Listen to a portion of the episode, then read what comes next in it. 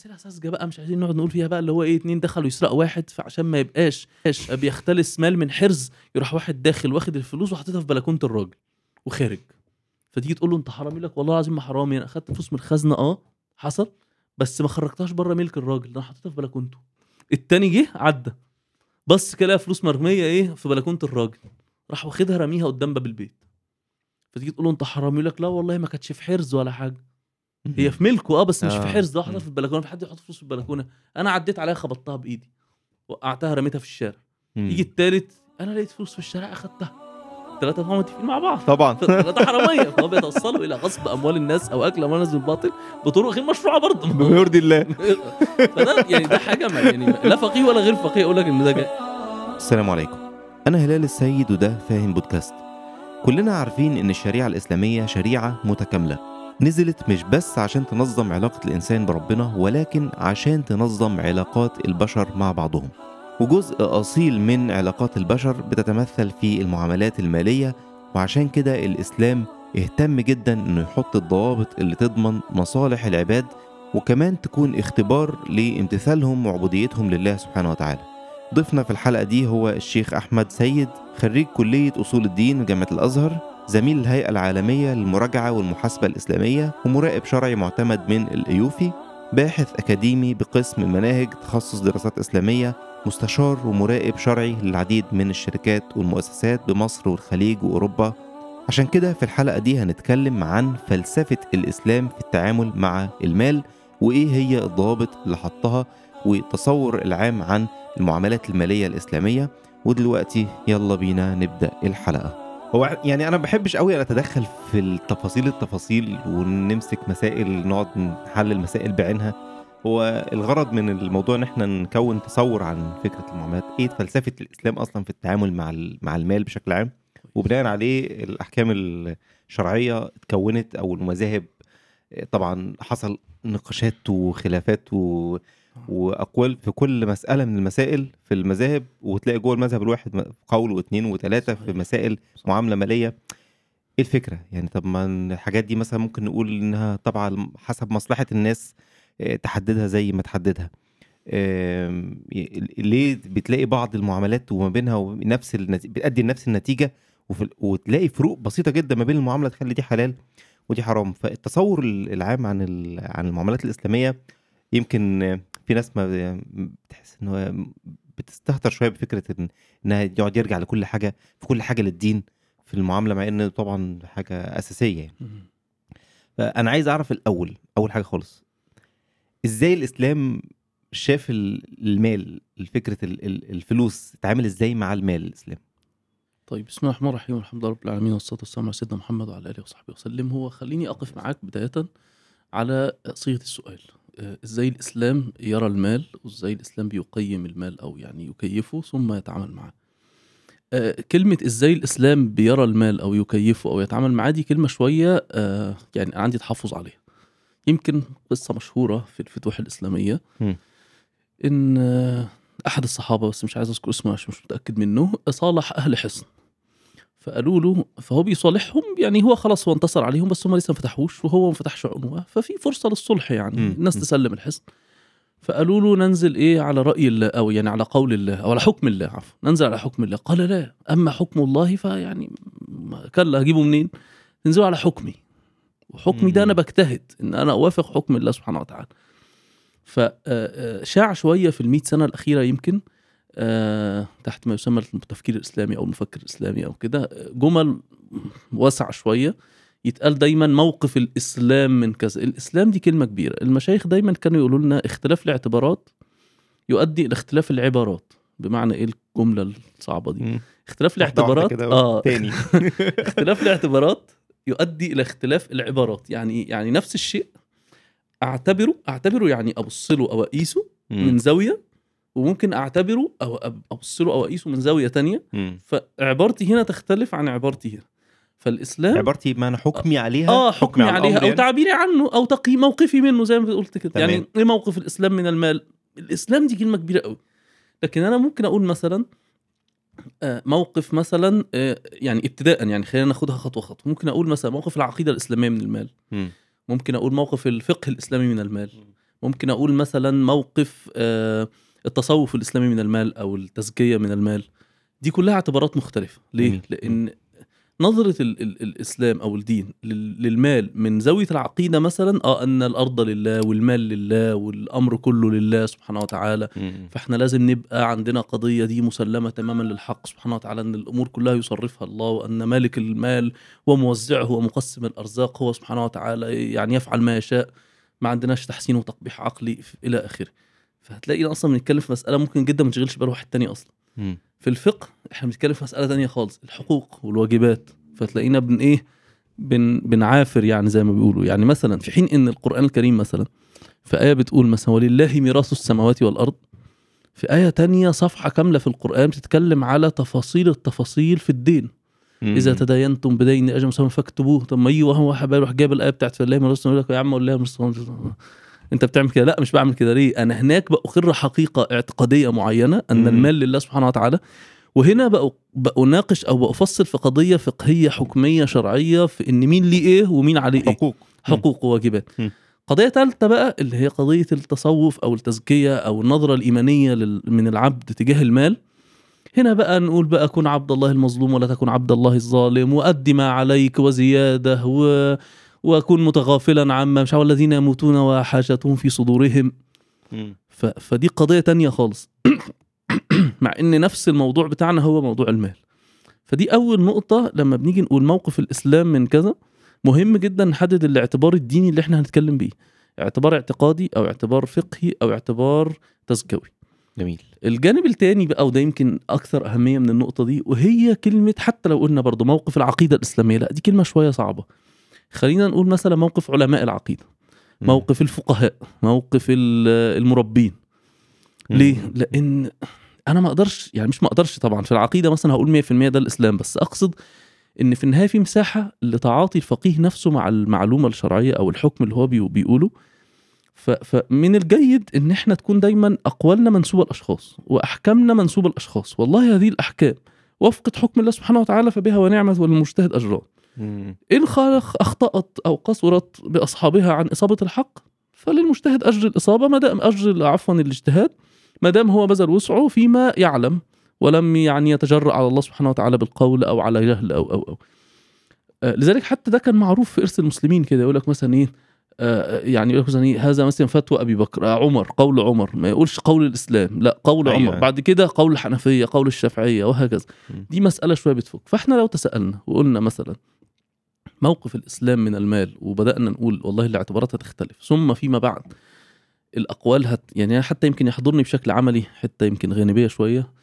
أبو حامد الغزالي رحمه الله لما يعني كان هو جه في وقت ظهرت فيه الفلسفة بشكل عنيف وكان ليها نوع من أنواع الطغيان يعني اللي حاصل على المجتمع. فهو حب يناقش الفلاسفة فعمل الكتاب المشهور بتاعه تهافت الفلاسفة. فهو مسماه تهافت الفلاسفة مش تهافت الفلسفة.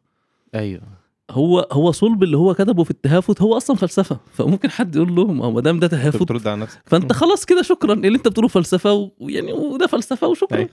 فلكن هو قال تهافت الفلسفه بمعنى إيه؟ إن فلان وفلان وفلان من الفلاسفة قالوا كلام متهافت وأنا هذكر هأبين هذا التهافت. لكن تهافت التفلسف في حد ذاته لا دي ما إلا طبعا إن يكون مثلا العلم أو الجانب اللي إحنا بنتكلم فيه ده هو جانب حرام تهافت السحر مثلا عشان. يعني.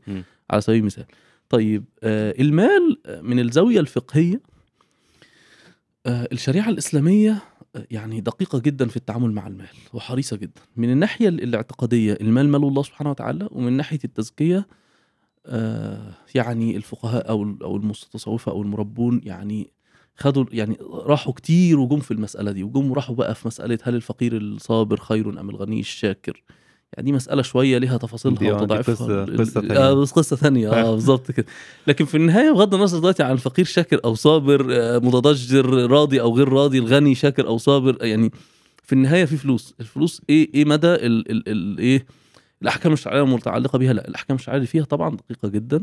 طب سامحني في صيغة. السؤال. آه. يعني يمكن يمكن صيغة السؤال طيب، كانت تمام. خليتك ما شاء الله. إيه بس هي أنا أنا مبسوط إن إن الرؤية دي. طلعت يعني. طيب. آه، لكن يمكن السؤال كان لو أدق لو لو لو قلت مثلا آه، آه، ليه ليه الإسلام تعامل مع المال بهذا الشكل؟ ليه ليه أو بلاش الإسلام عشان نعم. يعني خلينا هو برضه أصل هو الإسلام أنا بتكلم عن الرؤية الأحكام الشرعية هي الإسلام والرؤية الإجمالية طبعا. بالظبط فأنا بتكلم عن الرؤية الإجمالية. ليه ربنا سبحانه وتعالى أنزل أحكام دقيقة جدا في أمر المال بالشكل ده؟ مع إن هو في الآخر قال إن إن الأرض لله يورثها من يشاء وإن المال مال الله وإن إحنا مستخلفين في الأرض صحيح. على هذا المال. صحيح.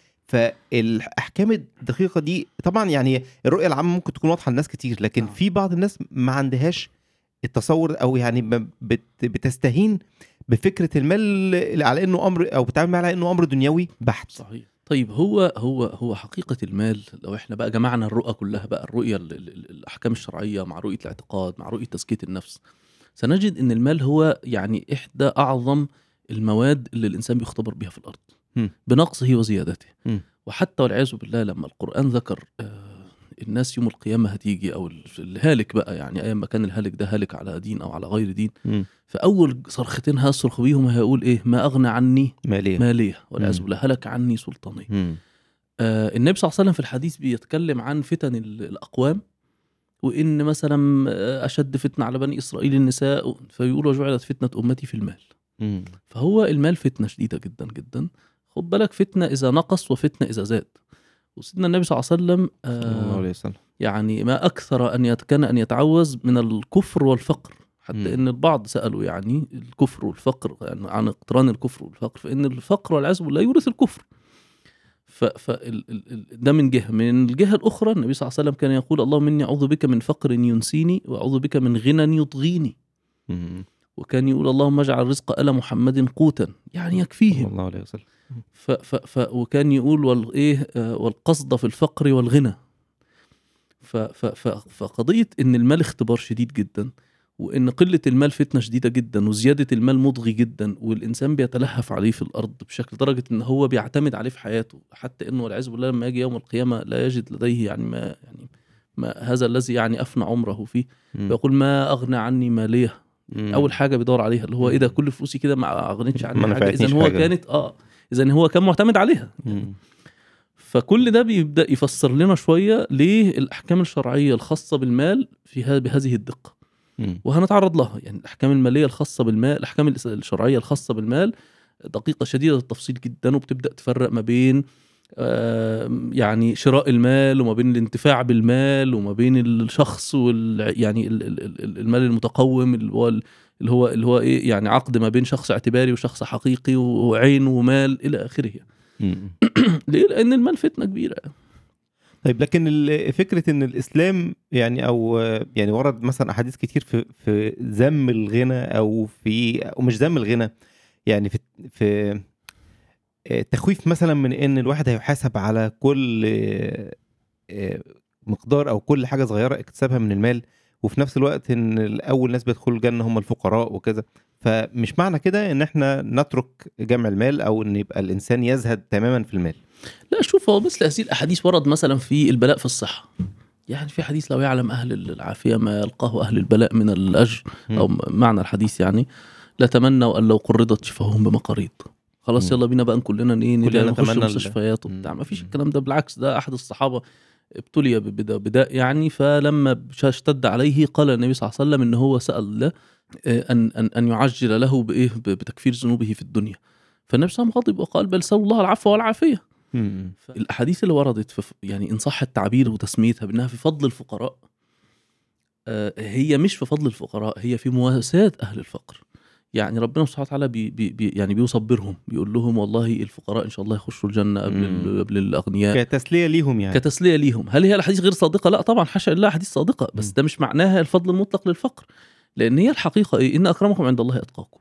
فقير غني مش. بالظبط بالعكس ده إحنا عندنا حديث تاني بقى بيقول ذهب أهل الدثور بالأجور يا رسول الله. أهل الدثور الناس الأغنياء اللي عندهم دثر. دثر دي اللي هي ال- بالمصطلح المعاصر كده جاكيتات كده وبلاطي وناس غنية يعني متدفية. أيوة. فالناس المتدفية دي راحت بالأجور. ليه راحت بالأجور؟ معاها فلوس. يتصدقوا. بيتصدقوا وبيجهزوا الغزاة وبيغزوا. إنما الفقير آه، مش قادر يجهز غازي غيره ممكن آه، ممكن ما يقدرش يتصدق. ممكن كمان يمنعه فقره من الغزو نفسه. مم. ولا على الذين إذا ما أتوك لتحملهم قلت لا قلت قلت لا. لا أجد ما احمل ما أحملكم عليه. مم. فهو حتى من فقره مش قادر حتى يجاهد في سبيل الله. فقالوا له ذهب أهل الدثور بالأجور يا رسول الله. فقال ألا أدلكم على كذا؟ وبدأ يدلهم النبي صلى الله عليه وسلم على تسبيحات. صحيح. فقولوا بعد كام يوم يقولوا له إيه؟ إن هم شاركونا. فالنبي صلى الله عليه وسلم ما قالش بقى إيه؟ تسبيحة من الفقير بألف تسبيحة من الغني. لا ما حصلش. ليه؟ ذلك فضل الله. آه ذلك فضل الله يؤتيه من يشاء. مم. بشكل عام القرآن بيسير في سياق إن فضل ربنا يؤتيه من يشاء. يعني إحنا إحنا أصلا أمة النبي صلى الله عليه وسلم شرفت بهذا النبي صلى الله عليه وسلم الكريم الخاتم. وربنا بيقول يا أيها الذين آمنوا اتقوا الله يؤتكم إيه؟ كفلين من رحمة. كفلين من كفلين يؤتكم كفلين من رحمة. طب ليه كفلين ما كفاية كفل واحد يعني الأمم كلها قبلنا يعني خدت كفل واحد يعني. فربنا سبحانه وتعالى بيقول إيه؟ لئلا يعلم أهل الكتاب الا يقدرون على شيء من فضل الله يقدرون هنا بمعنى يضيقوا. فإحنا أصلا كلنا في محط فضل الكريم سبحانه وتعالى. فالغني اللي تجاوز محنة إن صح التعبير يعني محنة أو بلاء في غناه. وقام من على فراش وثير ناعم دافئ مع امرأة جميلة إلى قيام الليل أو إلى جهاد في سبيل الله أو أو أو لينال بذلك اجر الحق سبحانه وتعالى زي واطلع ربنا على اللي صبر على ال... الفقير بالظبط كده. والعكس بالعكس وال... يعني وهي في الآخر كل إنسان ربنا سبحانه وتعالى هيأ له ابتلاء يعني يعلمه منه ويعلم منه ما يعني ما سيكون و... ويحاسبه على ذلك يعني إن كان خيرا فخير طيب إيه إيه المبادئ بقى اللي الإسلام حطها للتعامل مع مع المال؟ يعني يعني لو قلت مثلا آه، إحنا بنسمع ألفاظ كتير زي ال- حتى دنيوية الشفافية ال- العدل الكرم وغيرها بقى من لو دخلنا شوية في المعاملات وفي ال... وفي الأحكام الشرعية هنلاقي الغرر هنلاقي حاجات ألفاظ كتير بنسمعها. إيه إيه إيه المبادئ دي؟ يعني يعني شكلها إيه؟ و... وليه حط المبادئ دي تحديدا؟ وإيه الحاجات اللي تغاضى عنها أو سابها؟ طيب كويس جدا. آه، إحنا هنرجع بالسؤال ده خطوة لورا. مم. ونسأل سؤال كده قبل ما نخش على مساحة إيه إيه المبادئ اللي ربنا سبحانه وتعالى شرعها أو يعني أسس على عليها شرائعه في في المال يعني. آه، في دايما مسألة كده بتتسأل يعني يقول لك إيه هو الأصل في الأشياء الإباحة ولا الأصل في الأشياء التحريم مم. فتلاقي ناس تقف وناس كده تتجدعن فيقول لك لا أكيد في الاشياء الاباحه يعني هي طبعا مفيش حاجة بالأكيد يعني. مم. ويمكن دي حتة مفيش حاجة بالأكيد دي هنتكلم عنها المرة يعني كمان شوية إن شاء الله إن شاء الله لكن آه، شوف القاعدة اللي الفقهاء يعني اتفقوا عليها تقريبا إن هو الأصل في الأشياء الاباحه إلا ثلاثة أشياء الدماء والأعراض والأموال مم. فالأصل التحريم الح... في الأشياء العادية خالص الاباحه أصحى الصبح أصحى متأخر أنام بدري أنام متأخر أكل ما ملوخية. أكل بطاطس دي مشكلتي الشخصية لكن الدماء الأصل إن أنا ما أسفكش دم حد مم. وإن الاستثناء هو سفك الدماء. سف يقول لك كده لا يحل دم امرئ مسلم إلا بثلاث يعني. الأصل تحريم دماء المصطاب والمعاهد والزي وهكذا مم. طيب والأعراض الأصل إن أنا في محرمات. في من يحل بهن الزواج وفي من يحرم عليهن الزواج وفي وهكذا كل حاجة بشرطها. ولكن إيه بقى يحل مثلا ملكت أيمانكم يحل الزواج وهكذا نفس الفكرة في الأموال. الأصل مالي مالي ومال الغير مال الغير.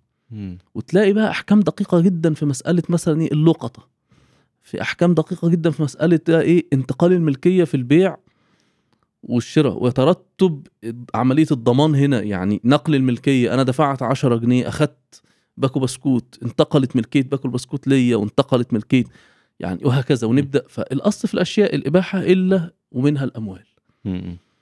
ف ف ف فدي أول أساس اللي هو حق الملكية والحفاظ الأصلي خالص على الملكية وما يسميه الفقهاء الذمة الأصلية أو البراءة الأصلية يعني أنا أنا الأصل إن ذمتي بريئة من ذمم الآخرين وذمم الآخرين أيضا بريئة من ذمتي. فالأصل هو الملكية الحقيقية الكاملة التامة إن م. كل واحد متملك حقته وليس حاجته وليس لغيره التعدي على حقه. م. والأصل في أي معاملة مالية ودي الخطوة الثانية بعد كده التراضي. ده الأصل. حتى إحنا هتجينا اللقطة دي فين بقى؟ في بعض العقود اللي الشرع الشريف وضع لها شوية ضوابط. فبنجد إن إحنا ممكن يحصل نوع من أنواع الخطأ في هذه الضوابط م. عمدا أو عن غير عمد. م. فالفقهاء يقولوا إيه؟ لا سيما فقهاء الحنفية اللي عندهم تفرقة دقيقة في الحتة دي. فيقول لك إيه؟ العقد فاسد مش باطل. فتقول له هو إيه الفرق يا مولانا بين الفاسد والباطل؟ يقول لك لا الباطل عقد غير معتبر غير مهدر يعني ما حصلش. أنا بعتبره هو العدم سواء. لكن العقد الفاسد عقد. ترتبت عليه بعض اعتباراته أو بعض تبعاته لكن في شرط أو في وصف معين أفسده. لو قدرنا نصحح الوصف ده العقد يمشي. لو ما قدرناش نصححه بنرد الأمور اللي نفسها بس حتى الرد نفسه بيتم بعملية رد مش بيتم كده بشكل تلقائي ده في كل المذاهب ولا في المذهب يعني الحنفي يعني تحديدا الحتة دي يمكن أدق حد اتكلم فيها وكانوا الحنفية أيوة. لكن في المجمل الفكرة واحدة حتى لو بعض المذاهب الأخرى أو باقي المذاهب الأخرى ما فرقوش بالتفرقة الاصطلاحية دي اللي هي تسمية الفاسد فاسد والباطل باطل لكن الأغلب من حيث الأحكام المترتبة آه يبدأ يفرق مم. ما بين إن شوف معاملة تمت بالتراضي ومعاملة ما تمتش بالتراضي إذا الإيجاب والقبول اللي هو بقى بيترجم بمعنى الإيجاب بلفظ الإيجاب والقبول في الفقه التراضي أو الإيجاب والقبول هو ال- الركن الأساسي الذي لا يتخلف قط في أي معاملة. مم. يمكن بعض الفقهاء هيبدأ يقول لك إيه عقود التبرعات لا يشترط فيها قبول. آه دي مسألة تانية دي اللي هو واحد جدك 10 جنيه حطها في جيبك فيجي فقيه يقول لك لازم تقبل وفقيه تاني يقول لك إيه دي تبرع. مش ده تبرع فمش لازم تقبل مم. مسألة في الآخر يعني يا عم بيتبرع أصل حتى لو ما قبلتش الفقيه اللي هيقول لك مش لازم تقبل مش هي مش هيرتب عليك تبعات الحاجة دي يعني أنا مثلا عندي عربية عليها مثلا أقساط مثلا أو عليها غرامات فيجي حد يقول أنا أهديت لك العربية دي فأنا ألبسها بالغرامات بتاعتها يا عم لا عايزها ولا عايز الغرامات اللي عليها على سبيل المثال يعني فهنا بيبدأ يظهر إيه فايدة الخلاف في المسألة خلاف أيوة. إن إن. عقود اله- الهبات أو التبرعات يجب فيها القبول أو لا لكن شوف الكلام وصل لأي دقة؟ إذا ال- الخطوة الأساسية أو ال- الركيزة الأساسية لقضايا المعاملات بعد إثبات الملكية وأحقيتها وانفصال الذمم المالية يعني شوف الأصل في الإسلام في الشريعة الإسلامية ان ان إن كل إنسان ليه ذمته المالية المستقلة. طب حتى مثلا الصبي حتى المجنون حتى المحجور عليه آه حتى ده. وغيره بيبقى اسمه واصي عليه. حتى حتى القانون بيراعي الحاجات دي. يبدأ يفرض مثلا إيه نوع من أنواع الإيه اللي هو مثلا ما يسمى بمجلس الحسبي مثلا. مم. يبدأ يراقب الأم مثلا في تصرفاتها في أموال ال- القصر مثلا. أيوة. هو ليه بيعمل كده؟ انطلاقا من فكرة الملكية المستقلة. ما عندناش في الإسلام حاجة اسمها آه، شيوعية. شيوعية ملكية كده بتاعتهم. الاثنين آه. شيوع الملكية. لا ده مش حاصل. مم. طبعا في حد ممكن يطلع ويقول لك لا يا مولانا أنتوا عندكم في المذهب الحنفي في شركة المفاوضة. شركة المفاوضة دي مسألة ثانية يعني إن شاء الله يجي وقتها في الكلام بس ده ده مساله. لكن الأصل في الإسلام هو الملكية المستقلة مم. يأتي بعدها إن أي عملية تغير من هذه الملكيات المستقلة بمعنى إن أنا بدفع مال أو بدفع آه، عين من عندي أو أو أو بقدم خدمة أو بحصل على خدمة وبدفع مال يعني أي عملية معاملة بتحصل. دي لابد ركنها الأساسي خالص الإيجاب والقبول يأتي بعد الإيجاب والقبول مجموعة من الشروط اللي الشرع الشريف وضعها فمثلا نجد تفاصيل كثيرة جدا. يقول لك إيه؟ نهى النبي صلى الله عليه وسلم عن بيعتين في بيعه نهى النبي صلى الله عليه وسلم عن بيع وشرط. وتذكر تفاصيل كثيرة من البيوع نهى النبي صلى الله عليه وسلم عنها. فالفقهاء لما درسوا المناهي الشرعية دي كلها في البيوع وجدوها إيه؟ وجدوها تؤول إلى قضية إيه؟ أغلبها يعني. يعود إلى ما يسمى كمظله عامه للشريعة للأحكام المعاملات الغرر. طبعا الغرر سنجد تصورات مش هقول متباينة بس فيها اختلاف وجهات نظر. الغرض بمعنى الخداع؟ لا الغبن غير الغرر. مم. تمام؟ الغبن طبعا برضو منهي عنه. مم. لكن الغرر شوف ال- الغبن آه الغبن بمعنى يا مثلا كويس نهى النبي صلى الله عليه وسلم عن تلقي البوادي. صلى الله عليه وسلم. يعني إيه تلقي البوادي؟ بيحصل. إحنا مثلا إيه عندنا في سوق السيارات مثلا تبقى أنت جايب عربيتك كده من آخر البلد يعني من بلد بره القاهرة مثلا أو كده وداخل السوق أيام ما كان موجود قريب من الناس يلحقك بره السوق يلحقك بره السوق. قبل ما تدخل وتعرف السعر قبل ما تدخل وتعرف السعر ويبدأ يساومك على أي سعر مم. وهو ده وبتاع والدنيا تمام فده تلقي البوادي بيع. الركبان والعكس يعني يعني سواء يلحقك كمشتري أو يلحقك كبياع مم. الطلبة مثلا الوافدين اللي بينزلوا مثلا المحافظات أو بينزلوا مثلا القاهرة أو جايين من بره مصر أو كده. يعني آه، شخص وافد يعني أو غريب أو سائح أو كده يبدأ يتلقاه ويبدأ يقدم له نفس الخدمة بسعر أغلى. فيبدأ يقول لي ده في إيجاب وقبول. أه بس في غبن. في غبن. فالفقهاء بدأوا يجمعوا مجموعة المناهي الشرعية اللي وردت في السنة سواء بشكل قولي أو فعلي أو تقريري. فبدأوا يجمعوها تحت مجموعة من الضوابط. فبدأ يقول لي مثلا الغبن عندي حرام الغرر عندي حرام المقامرة حرام بس أغلب الصور دي حتى الغبن قد يندرج تحت المسمى العام للغرر الغرر في المسمى العام بتاعه يعني خلينا نبعد عن الاصطلاحات شوية الدقيقة هو آه، الجهالة.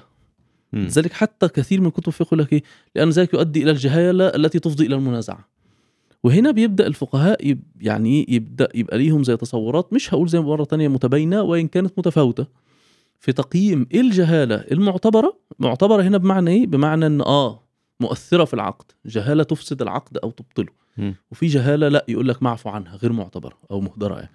فده بيحصل فيه تفاوت. طيب ليه الإسلام حط المبادئ دي؟ كان ممكن يسيب الأمور المالية دي كلها لمصالح الناس حسب ما يشوف مصلحتهم فين. ي- زي ما بنسمع حيث- حيثما كانت المصلحة ثم الشرع. لا سيما إنك بتقول لي دلوقتي إن الفقهاء اختلفوا بالظبط فتمام بقى آه. يعني يعني ليه الفقهاء اختلفوا طب ما الاقتصاديين يختلفوا اولى الله ينور عليك يعني طب هي. دي صح. يعني يعني ده برضه كلام منطقي يعني صح. يعني انت ليه جايب الشيخ يختلف وعمال تسمع منه طب ما تجيب واحد أصلا بتاع فلوس وبتاع شغل وبزنس بتاع اقتصاد وكل. عصر له له وضعه. وله ظروفه. والشرع ممكن ما يكون يعني طبعا بس دي طبعا هتبقى يعني تشكيك في صلاحية الشرع لو قلنا السؤال بصيغة أكبر من كده آه إن مثلا إحنا فات وقت كبير على نزول الوحي وظروف اختلفت وكده بالظبط فطبعا بما إن الشرع صالح لكل زمان ومكان وحط الأساس الأساسيات أو المبادئ اللي إحنا ممكن نمشي عليها إلى قيام الساعة فليه بقى؟ ليه حط المبادئ دي؟ ما ما سبناش إحنا نتصرف في مصالحنا ليه؟ آه، طيب آه، آه، يعني الحق سبحانه وتعالى يعني خلقنا ورزقنا وبيعطينا وإحنا عايشين في ظل نعمته سبحانه وتعالى كل لحظة وكل نفس وكل شربة مية بنشربها وكل وكل كلمة بنقولها إحنا إحنا يعني يعني كما يقول الإمام الشاطبي رحمه الله آه والايه يقول كده والمقصود الأعظم معنى كلامه برضو والمقصود الأعظم للشريعة إخراج العباد من عبادة الله قهرا إلى عبادته طوعا دي قضية خطيرة جدا إن كل العباد الكافر منهم قبل المؤمن هو عبد في بالفعل بس م. عبد قهرا يعني هو عبد لله سبحانه وتعالى بس. هو عبد يعني غصب عنه يعني. عبد بمعنى إيه عبد بان هو محتاج إلى الحق سبحانه وتعالى وكل يوم سواء يعني- قبل العبودية أو رفضها بالظبط يعني كده الله يفتح عليك آه لكن هو. كل آه. يوم آه كل يوم بيمد للحق سبحانه وتعالى يد حاجته إلى الطعام ويد حاجته إلى النوم ويد حاجته إلى ال- إلى ال- الاسترخاء وإلى. التعب بعد ال- إلى الراحة بعد التعب وإلى المال بعد الفقر إلى آخره مم. فهو يب- فهو تقصد إن هو مع- معبود لله سبحانه وتعالى بمعنى الاحتياج الدائم الذي. لا ينقطع تماما آه. تماما آه فإما إنه يعني أيوة. أيوة. يختار ويبقى عبد الله أو إنه كده كده. هيبقى عبد بس كده. ويظهر ده بإرادته. و و و ويقرب من, من, من نفسه. وقلبه إلى الحق. سبحانه وتعالى أو يأبى ف يعني كما يشاء يعني في الآخر في في يوم آخر يعني الموضوع. بسيط يعني صحيح ف ف ف ف فاحتكامنا أو نزولنا على قول الحق سبحانه وتعالى في أحكامه الشرعية دي حاجة يعني مفروض تكون عند المسلم ما فيهاش اختيارات. مم. لكن هتبقى نقطة خطيرة جدا. المصدر الأساسي للفقه الإسلامي هو النص. ودي نقطة يعني يعني هي بتشكل حجر الزاوية الأساسي جدا في النظر الأحكام الشرعية. النظر الأحكام الشرعية ليس الاستحسان العقلي. مم. وليس ال ال ال ال ارتياء المصلحة. يعني إن, إن أنا يعني يعني إحنا إحنا الفقهاء عندهم قاعدة تانية برضو استنبطوها من حيث الواقع ولم ولم يجعلوها حجر زاوية. بمعنى إيه؟ إن عندنا قاعدة بتقول إن كل ما جاءت به الشريعة فهو في مصلحة العباد. هل إحنا وضعنا ده افتراضا وبدأنا نشوف كده إيه الأحكام الشرعية اللي واردة في مصلحتنا وناخد بيها وإيه الأحكام اللي مش واردة في مصلحتنا فنقعد نأولها؟ لأ. ده إحنا ده خدناه من حاجتين. إما إن إحنا اخدنا الأحكام الشرعية من نصوصها الشرعية وبعدين بدأنا نتفحصها فوجدنا إن هي جميعا تحقق مصالح العباد. فبدأنا نضع هذه القاعدة إن كل الأحكام الشرعية تحقق مصالح العباد. أو إن الشارع الشريف وعدنا بإن كل أحكامه الشرعية تحقق مصالحنا. طب هل الشارع الشريف وعدنا بإن كل أحكامه تحقق مصالحنا؟ قال لي حصل بس أنهي مصالح بقى مصالح اللي أنا وأنت شايفينها بتاعت بكرة أجيب عربية أو بكرة أشتري تيشيرت أو بكرة أجيب موبايل لأ المصالح هنا في المعنى مصالح العام الأمة؟ مصالح ال... مصالح كمان الأخروية مم. ما هو أكبر مصلحة للعبد إيه إنه يخش الجنة مم. يعني أكبر مصلحة للعبد يخش مم. الجنة هدف وجودنا في الحياة بالظبط كده مم. فهو ماشي خلاص خلي الشريعة مثلا خليتك تجيب عربية بس طلعت والله العربية دي أنت جايبها بالربا مثلا فأنت تخش النار في الآخر يعني, يعني أو أو على الأقل يا سيدي هيخصم من حسناتك لحد ما أشوف باقي لك منها حاجة ولا لأ مم. فالقصد إيه في النهاية إن إن الشرع وعد بإن الله سبحانه وتعالى يشرع لأجل مصلحة العباد الغاية العظمى من مصلحة العباد هي دخول العباد الجنة. فأضعف الإيمان لو إحنا هن هنبص للقاعدة دي باعتبارها حجر زاوية تؤسس لنظرتنا في النصوص الشرعية فهننظر للنص الشرعي باعتباره يحقق مصلحة العباد الأخروية في الأساس. طيب إزاي النص الشرعي يحقق للعبد مصلحة العبد الأخروية إن هو يمتثل للنص الشرعي فيخش الجنة. أو يعني يرجو من الله سبحانه وتعالى انه يخش الجنة بامتثاله.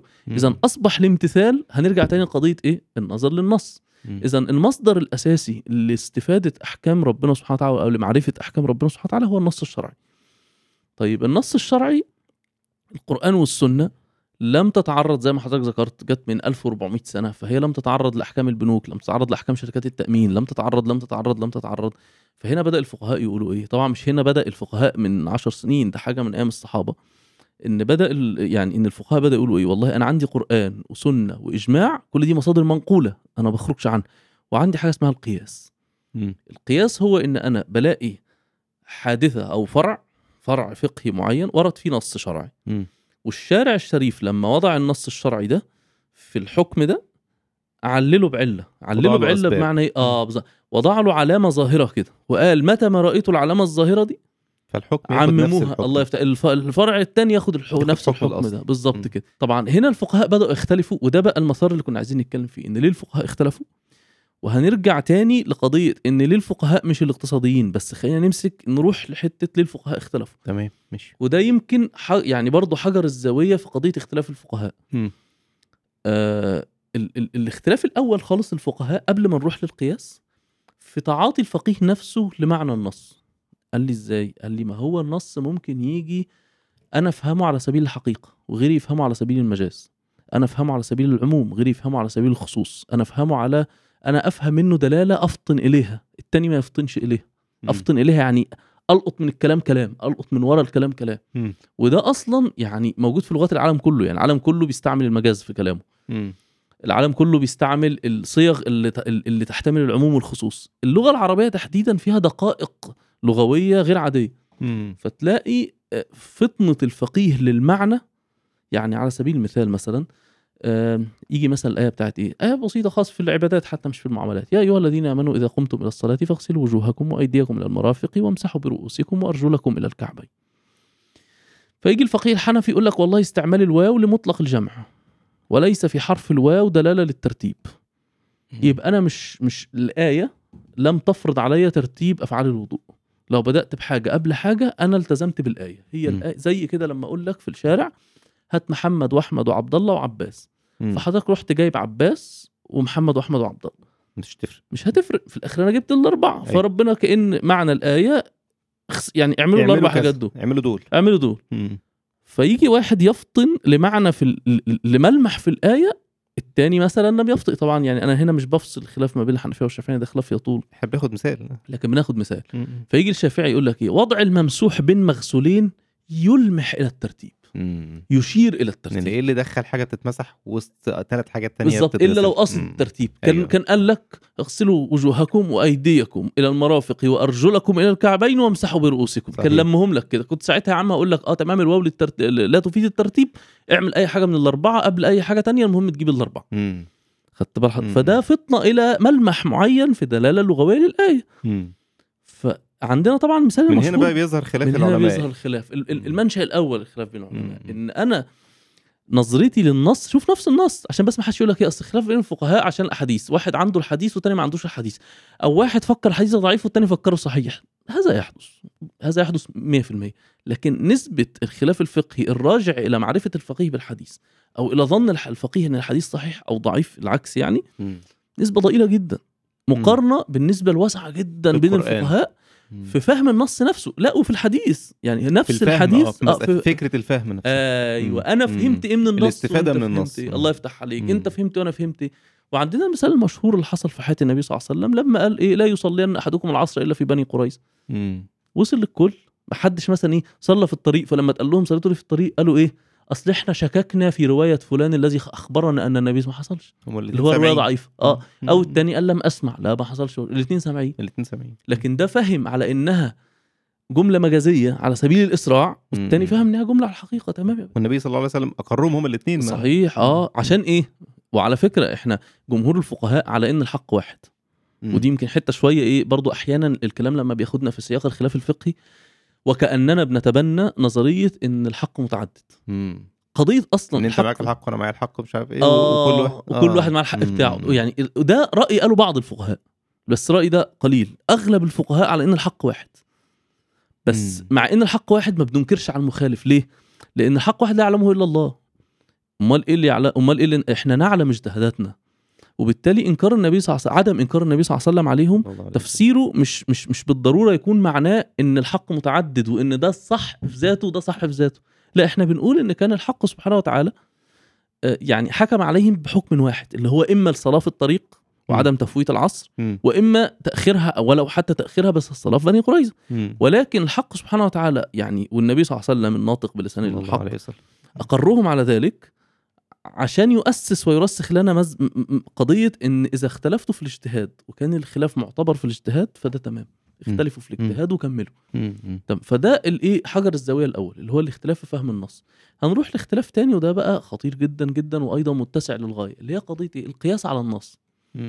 إن أنا بدأت أشوف آه، شوف يقول لك إيه أركان القياس أنا عندي حكم أو مع صح إيه يعني يعني يعني يعني يعني مش عايز أسميه فرع عشان هم بيسموه أصل يعني بس هو كلمة فرع يعني يعني مسألة فقهية يعني. يعني مثلا ما حكم شرب عصير العنب الني الذي قذف وغلى واشتد؟ يعني اللي هو إيه؟ اللي هو اللي هو اللي هو خمرة العنب يعني. وصف الخمرة. وصف الخمر إيه حكم مم. شرب الخمرة؟ الخمرة لغة دي اللي هي عصير العنب دي. فتقول لي حرام. يبقى أنا عندي الخمرة دي أصل. وحكمها التحريم. وال... وال... وال... والدليل فيها مثلا يا أيها الذين آمنوا إيه؟ إنما الخمر والميسر والأنصاب رجس من عمل الشيطان فاجتنبوه. تمام؟ تمام. فبدأ يقول لي والله في وصف معين ربنا سبحانه وتعالى علق عليه الحكم ده أبرزه اللي هو مثلا إيه؟ كونه سائل مسكر أو كونه مسكر. فأنا لو لقيت حاجة تانية ما هياش خمر بس مسكرة هروح ناقل لها حكم التحريم. ومديها حكم الإيه. الخمر. مم. مم. عشان في علة الإسكار الله يفتح عشان فيها علة الإيه؟ الاسكار هنا الفقهاء يبدأوا يقفوا مع بعض في قضية إيه؟ مين قال لك إن ده علة النص أو علة الحكم يعني؟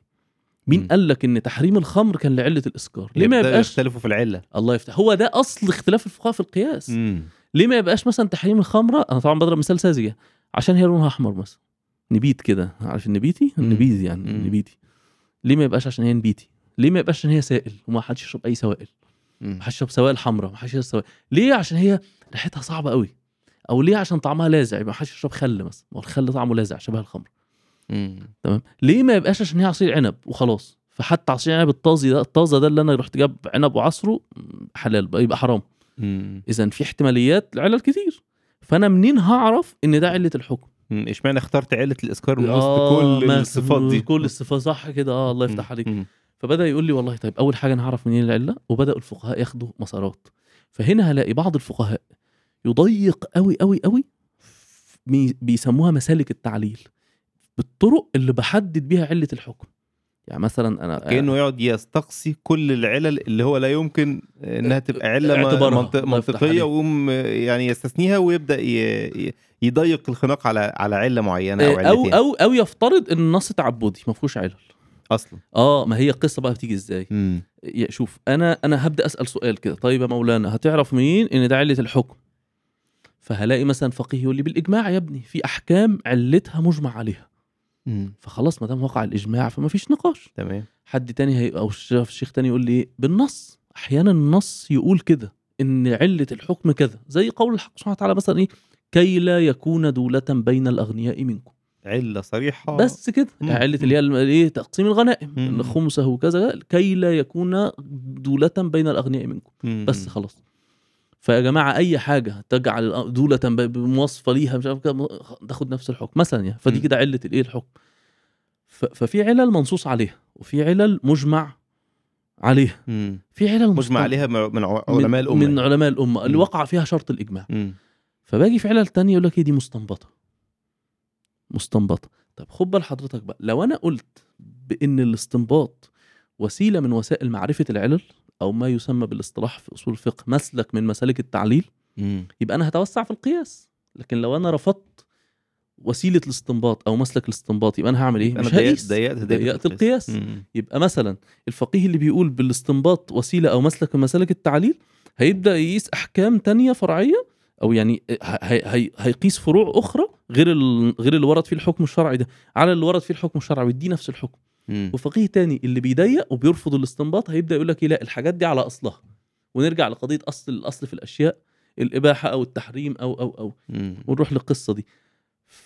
فده فاحنا مثلا على سبيل المثال عندنا تيار مذهب يعني كان مذهب الحنفي مثلا بيوض على عكس ما يشاع عنه يعني إن هو مذهب أهل الرأي. طبعا هو مذهب أهل الرأي بس ما أهل الرأي هنا بمعنى أهل الفقه يعني.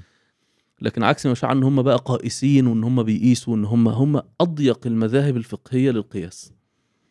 ليه؟ يعني مسالك التعليل عند المالكيه مثلا تسع فعلا مسالك. المشهور عن الحنفية غير كده خالص. بالظبط. لا عندي مسالك التعليل عند الح... عند المالكيه توصل لتسع مسالك. عند الحنفية الإجماع والنص. بدلالة الإشارة أو بدلالة ال... أو بعبارة النص. يعني من النص. مم. بس. طب يا مولانا آه، الدوران. الدوران يعني يعني في وصف دائر مع الحكم. يقول لي ما أعرفش الشرع ما اعتبروش. طب المناسبة المناسبة العقلية. يعني في مسألة كده مشهورة لك إيه؟ لو ال لو ال لو لو في حكم مناسب عقلا لو في وصف مناسب عقلا للحكم يمشي علة. لا ده عند المالكيه والشافعية مثلا لا ده عند الحنفية ما فيش. فبالتالي هو بيضيق صور القياس فبالتالي بيرفض القياس. مم. بيرفض بيرفض بيرفض على عكس من ده المالكيه اللي بيتوسعوا جدا جدا في القياس. فالتوسع والتضييق في القياس في حد ذاته سبيل كبير جدا لاختلاف الفقهاء. تعالى بقى خلينا متفقين على العلل يعني على سبيل التعليل. على سكة التعليل دي. أنا بقول إن والله آه، يقبل هنا القياس والتاني بيقول لا يقبل. بس. اختلفنا في عين العلة نفسها. هل العلة كذا ولا العلة كذا؟ يعني عندنا مسألة مشهورة ويمكن هتجيلنا دلوقتي إن شاء الله مسألة مثلا حديث الربا اللي هو إيه الذهب بالذهب آه، يدا بيد والفضل ربا وفي رواية إيه هاء وهاء تمام.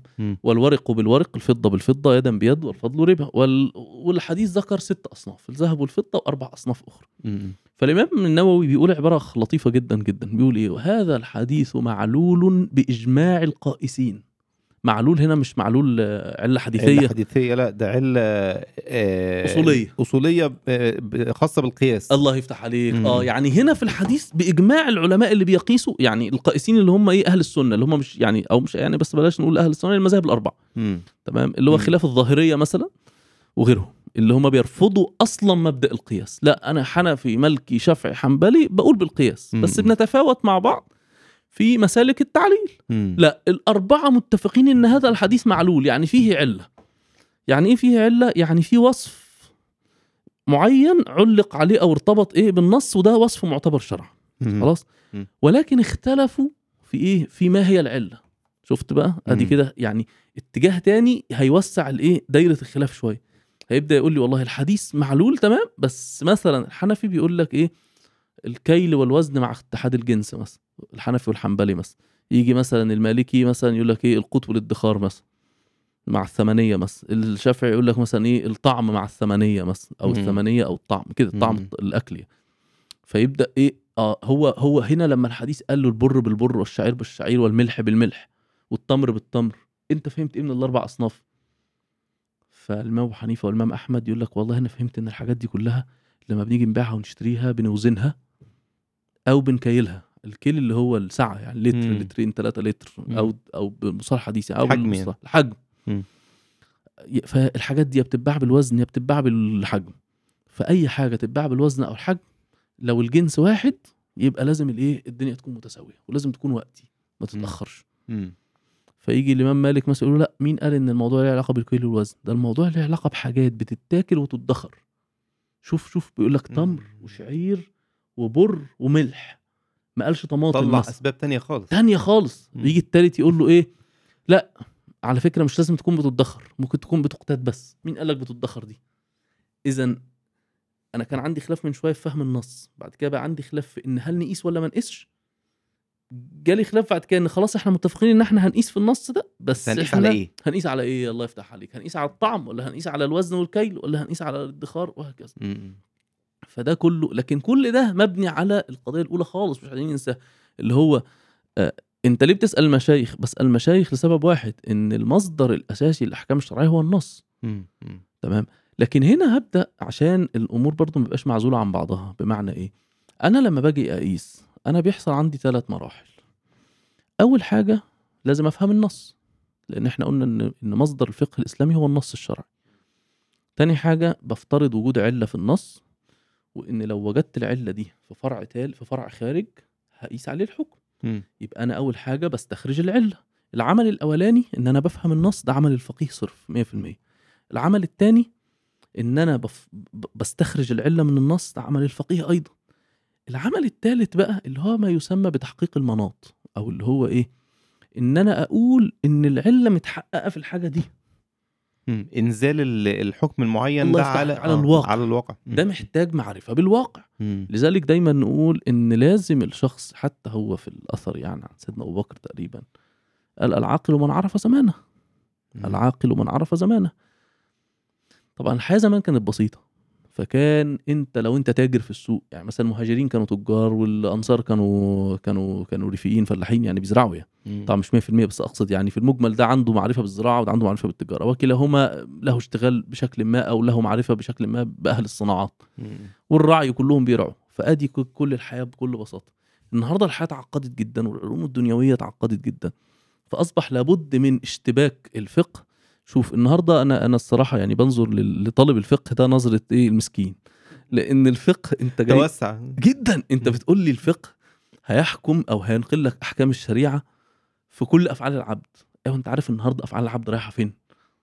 ده أنت لو على قد العبادات بس احمد ربنا وس- يعني لكن عمليا طبعا لأ. أنت عندك أحكام ربنا سبحانه وتعالى في المناكحات أحكام ربنا في المعاملات المالية أحكام. ربنا في القضاء وال... أخطر حتة بتيجي في قضية المعاملات لأن المعاملات خد بال حضرتك بتشمل وإحنا هنتكلم عن تقاسيمها بشكل عام بتشمل عقود نقل الملكيات بشكل عام يعني البيع والشراء بكل تفاصيله وبتشمل عقود المنافع ما. يسمى بالإيجارات بكل أنواعها عقود الهبات والتبرعات عقود النهارده الدنيا اتعقدت جدا عقود العمل وعقود الشراكات وعقود المضاربات فأصبح طالب الفقه أو دارس الفقه أو المشتغل في الفقه محتاج يكون على معرفة واقعية بكل الكلام ده لأن اللي بيحصل النهارده كبير يعني كبير كبير كبير يعني. فتجد إن لأ هو إسقاط العقود دي مش عقود يعني هي عقود حديثة ولا العقود تعتبر قديمة؟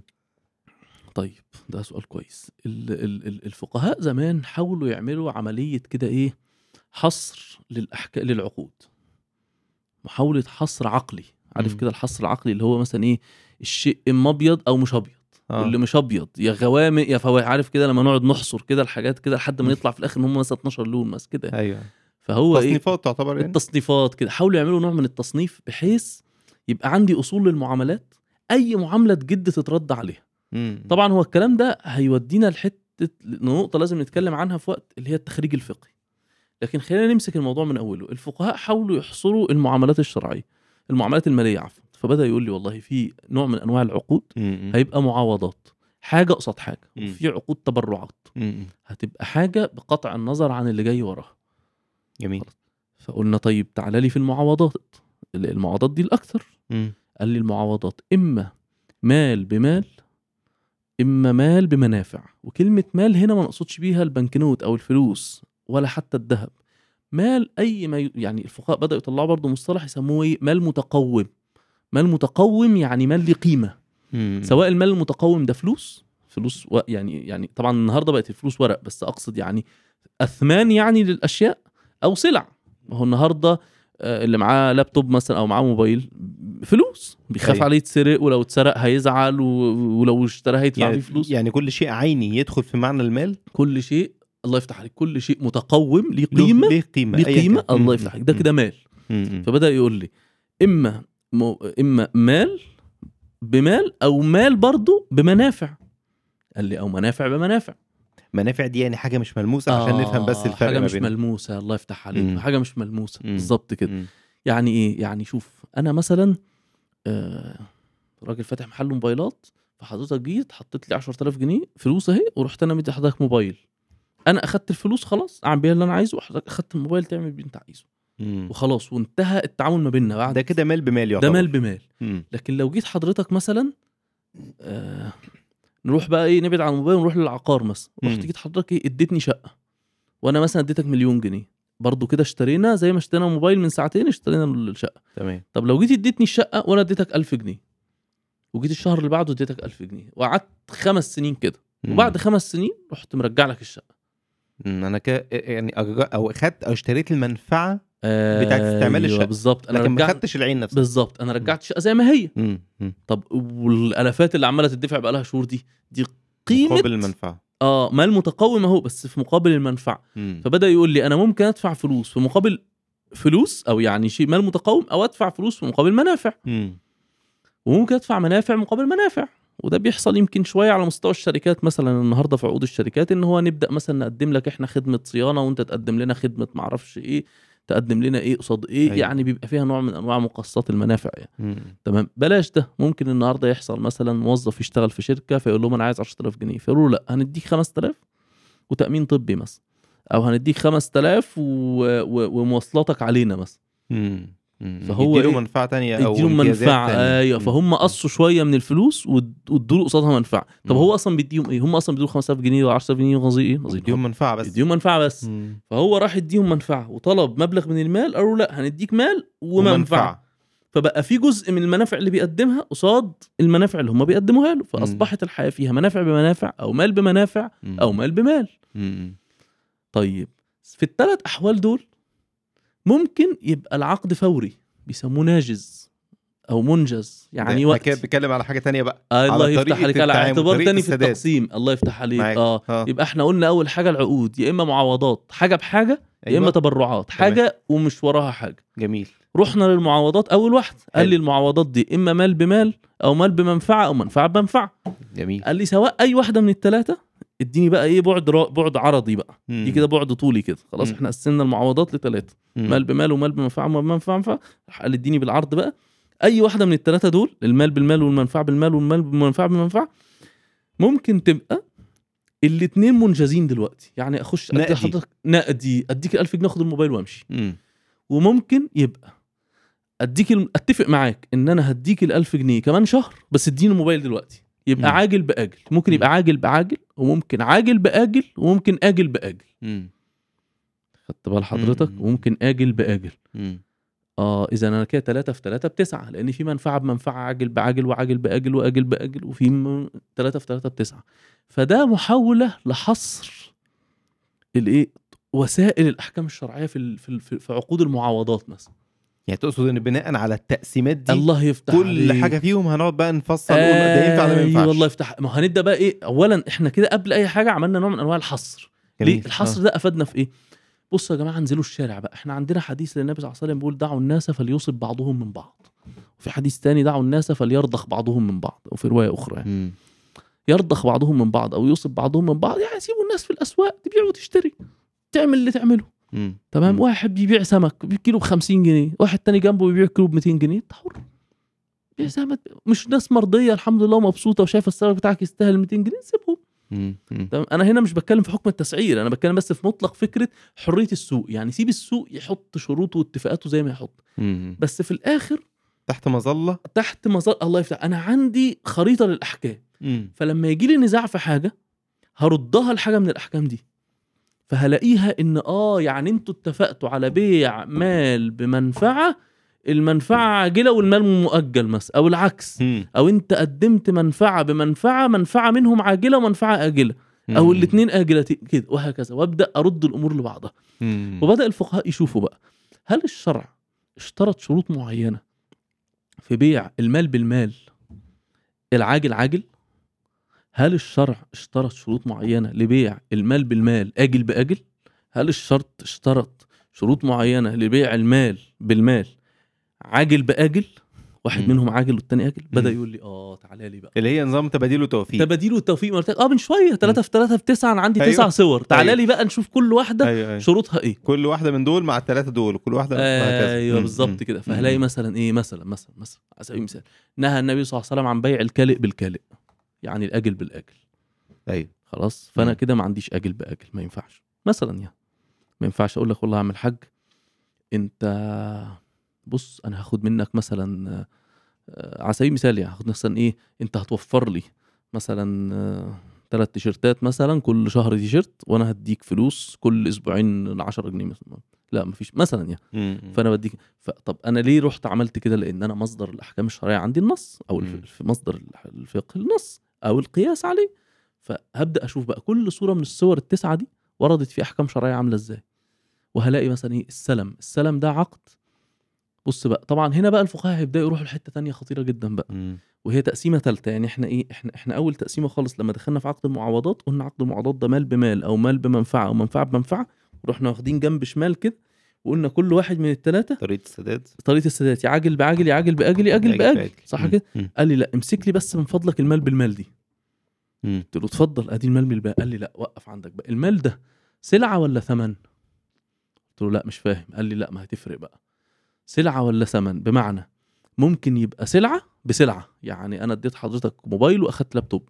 باعتبار إن إحنا عشان بس المال دي لما بنسمعها دايما إحنا آه، في دماغنا هي الفلوس. المال الفلوس بنتكلمش هنا على الفلوس. أيوه. بنتكلم على كل ما هو له قيمة. له قيمة مال متقوم. تمام. الله يفتح عليك. يقول لك المال المتقوم ده مم. تقصد بيه سلعة؟ سلعة بقى اللي هي اللي إحنا نفهمها بقى سلعة اللي هي أيوة. بقى م م م أرض بقى عربية موبايل كمبيوتر م م خضار فاكهة لحمة فراخ. ولا مال بقى اللي إحنا نفهمها مال اللي هي ثمن اللي هي. نقود. أيوه. مم. فقال لي هي تفرق؟ قلت له آه تفرق. استنى عندك بقى. قلت قال لي تستنى إيه؟ قلت له ابص بقى. في المال بالمال اديني ثلاث تقسيمات تانية. قلت له إيه؟ قال لي أنا ممكن في المال بالمال أعمل مقايضة. بيع المقايضه القديم المعروف ده اللي هو. بايه سلعة بسلعة. سلعة بسلعة وخلاص موجود لحد النهارده. معايا. لابتوب قديم يا جماعة مين ياخده؟ يقول لي أنا عندي كرسي مكتب مش عايزه. خد ده بده وخلاص. مم. في مال بسلعة اللي هو البيع المشهور اللي هو فلوس بخش المحل بدفع فلوس وآخد كمبيوتر أو آخد موبايل أو آخد كوباية أو آخد فراخ صح. مم. وفي مال بمال. قال لي أو أو نقد بنقد. قال لي وقف عندك ده اسمه عقد الصرف. اسمه عقد الايه الصرف. وادي لي أحكام تانية خالص. اذا أنا بدأت التقسيمة آه بدأت التقسيمة تتشعب. من ال... من من إن أنا كنت مال بمال ومال ب... ومال بمنفعة ومنفعة بمنفعة إن مال بمال نفسها بدأت تاخد تقسيمة ثالثه كده هي إن المال ده بقى نوعه إيه؟ بنكنوت أو فلوس أو نقود ولا سلع. وبدأ ياخد شوية أحكام. مم. خلاص؟ مم. كل اللي بنحكي فيه ده كله هدفه إيه؟ هدفه محاولة لحصر الاحتمالات العقلية يعني اللي ممكن تحصل سواء حصلت أو ما حصلتش للأحك... لل- للمعاملات اللي بين الناس. مم. خدت بال. حضرتك؟ يعني. يعني يعني يعني يعني أنا أنا كفقيه خريطة الله يفتح عليه خريطة، الخريطة الذهنية. للأحكام للمعاملات المالية. على فكرة أنا أنا متكيف جدا من التقسيم الله اللي يبارك ما شاء الله أنت وضحت كده أنت اديت درس درس فقه معاملات إيه من. الصورة الإجمالية كده. جميل جدا يعني يعني دلوقتي أي واحد قاعد بيسمعنا آه، خلاص فهم مصدر على الأقل مصدر خلاف الفقهي جاي آه. منين أيوه وشكل المعاملات المالية دي مبنية أصلا على إيه بالظبط المبادئ اللي تبان عليها أو الشكل التقسيم التقسيم الفقهية اللي بالظبط تبان عليها ال- آه وده. وده بيعكس لي إيه بقى؟ وعي الفقيه بالواقع. مم. يعني هو الفقيه برضه مش معزول قاعد عن الواقع. مش معزول لا مم. هو هو قاعد فاهم ال- الناس بره بتعمل إيه وبيحاول يرسم خريطة لتصرفاتهم بره هتكون عاملة إزاي عشان يبقى عنده نوع من أنواع الاستباقية مم. لأن. إحنا قضية الاستباقية طبعا يعني مش عايزين نتدخل في قضايا تاريخية شوية بس يعني كان مشهور مثلا عن الحنفية الامام أبو حنيفة شخصيا وبعض أصحابه مم. ثم الحنفية فيما بعد إن هم كانوا يتسموا الأرائيتيين الإيه الأرائيتيين يعني- آه أرأيت يقول له؟ أرأيت إن كان كذا مم. تفتكر لو حصل كذا يقول له كذا. يديله الحكم خد بالك دي أحكام لسه ما جت لهمش أيوه بس هو بيحاول يتنبأ بإن الله يفتح ممكن عليك. حاجة تحصل في المستقبل آه آه. ده ده جاي منين جاي من عقلية استباقية هو مش بس فاهم الواقع ده حضرتك هو بيستشرف النظر للمستقبل مم. طبعا الواقع الفقهي النهارده شوية إن إحنا حصل عندنا نوع من أنواع الإيه يعني استباق حضاري غربي فبدأ يحصل نوع من أنواع الإيه؟ الجديد. فمثلا الفقيه مرتب أحكامه القديمة كلها مثلا على إن الفلوس ذهب وفضة. صحينا الصبح لقينا في ورق. اتفرض ورق مثلا. فالفقيه مثلا هل هل الفقيه قعد افترض زمان إن لو كانت الفلوس دي ورق مثلا؟ طيب ما افترضش طب أنا النهارده لو افترضت هفترض على أي أساس؟ مم. على ما افترضت إن الفلوس دي ورق. وبدأت أفكر هكيفها إزاي شرعا وهتكلم على يعني إيه هكيفها شرعا لقيت الفلوس بقت عملة مشفرة بقت code blockchain. أيوه. والله أعلم على من لسه ما عرفناش نخلص خناقة الورق. الله يفتح عليك لسه خلاص خناقات الورق. على ما أخلصها وأفوق ألاقي البلوك تشين خلاص بقى مسيطر. فالله أعلم على ما أفوق منه هيكون في إيه جديد جاي. فلذلك قضية استباقية العقل الفقهي لل- للواقع دي يعني يمكن مثلا حد زي الإمام مالك كان بيتحفظ جدا من من المسائل اللي هي فيها أرأيت مم. بس ده كان في عز من الدولة يعني ما فيش يعني أرأيت قبل ما تبقى أرأيت هتجيله لكن وكان لما حد يسأله في حاجة ما حصلتش ينهاه. أبو حنيفة رحمه الله كان يتوسع في الأرأيتيات عشان يستبق. لكن إحنا النهارده كلا الفريقين يعني من ورثة المذهب هنا أو هنا في نوع من أنواع الإيه لا في استباق واقعي لل- للفقه لذلك ال- الفقيه النهارده وده اللي بتحاول تقوم بيه شوية المجامع الفقهية إن هي عايزة تعمل نوع من أنواع إن لم يكن استباقية فمواكبة للع... لل... لل- للواقع. طيب المواكبة دي بتحصل إزاي؟ أنا عندي قاعدة منطقية حتى بغض النظر عن الفقه اسمها الحكم على الشيء فرع عن تصوره اللي هي إيه؟ تعرف فلان لا ما أعرفوش يبقى ما تتكلمش عليه. صح. كده. الحكم على الشيء فرع عن تصوره تصور الشيء يعني معرفته. فتكييف المسألة الفقهية دي مسألة يعني يعني دي في حد ذاتها مسألة خطيرة جدا لأن ليها منشأ رهيب وخطير في الحكم على المسألة فيما بعد يعني آه، ممكن ودي يمكن جاية لسؤال حضرتك سألته من شوية في أول ما بدأنا إن ليه نفس الحاجة ممكن فقيه الديني عليها حاجة وممكن فقيه الديني أو عفوا مش ممكن فقيه الديني عليها حاجة لأ ممكن لو عملنا فيها مش عارف إيه تبقى تمام لو عملنا فيها إيه تبقى حرام مثلا. ليه؟ لأن تكييف المسألة هيبدأ يختلف. خدت تكييف المسألة يعني تصوير المسألة يعني شكلها اللي هنبدأ نديله يمكن دي حتة شوية غير الفقهاء يفهمها أكتر القانونيين. يعني غير غير الفقهاء الفقهاء ده ده جزء من شغلهم الأساسي القانوني كمان يفهمها. يقول لك إيه؟ حتى لك شكل الدعوة مثلا في في, في, في النيابات والمحاكم يقول لك إيه؟ شكل شكل الدعوة يعني الصورة بتاعت الدعوة عاملة إزاي؟ أنت مسكت واحد بتهمه إنه بيتاجر في المخدرات ولا بيتعاطى مخدرات تفرق كتير قوي مم. لو بقت كذا يبقى بيتعاطى لو بقت كذا يبقى بيتاجر ودي يا باشا ليها حكم ودي ليها حكم تاني خالص ففي الفقه بيبقى يقول لك إيه الصورة دي مثلا هبة طبعا أنت قلت يا باشا عشان إحنا بنتكلم على لا، المحاكم. بتوع قانون بالظبط. ومحاكم تمام ف ف ف في الفقه لو لو مثلا لو عملت كذا تبقى هبة ولا تبقى قرض فرق. كبير جدا لأن. القرض ليه تبعات وأحكام والهبة ليها تبعات واحكام تانية خالص. فيبدأ الفقيه يدقق أحيانا في بعض التفاصيل ويقول لك إيه بص اعمل كذا يقول تقول له يعني لو عملت كذا هيبقى حلال. آه يا سيدي لو عملت كذا هيبقى حلال. ليه؟ ما هو اعمل كذا دي لما تروح تسأله مثلا عن معاملة. عن معاملة بالظبط آه، آه، كده. مم. آه. تقول وهنتكلم بقى في مسائل تفصيلية في حاجات زي. كده على الرغم من إن ممكن مثلا الحاجة اللي هو كان بيسأل عليها المستفتي تقود لنفس النتيجة ال- ال- أيوه مم. انها تبقى حرام. خد بقى مثال ورد في نص حديث النبي صلى الله عليه وسلم. صلى الله عليه وسلم. واحد راح للنبي صلى الله عليه وسلم بيجمع أموال الزكوات فجاب له مال جاب له تمر. تمر كده نوع كويس نوع. غالي. فقال له إيه اكل التمر من هذا معنى حديث النبي صلى الله عليه وسلم يعني قال له لا ولكن إيه بدلت ده بده. تمر نضيف كويس فأنا إيه بدلت ثلاثة صاع من التمر اللي أنا جمعته في الزكاة وجبت صاع واحد من التمر الكويس ده مم. فقال له لا عايز تجيب ده بيع ده بدراهم أو بيع ده وبفلوسه اشتري ده.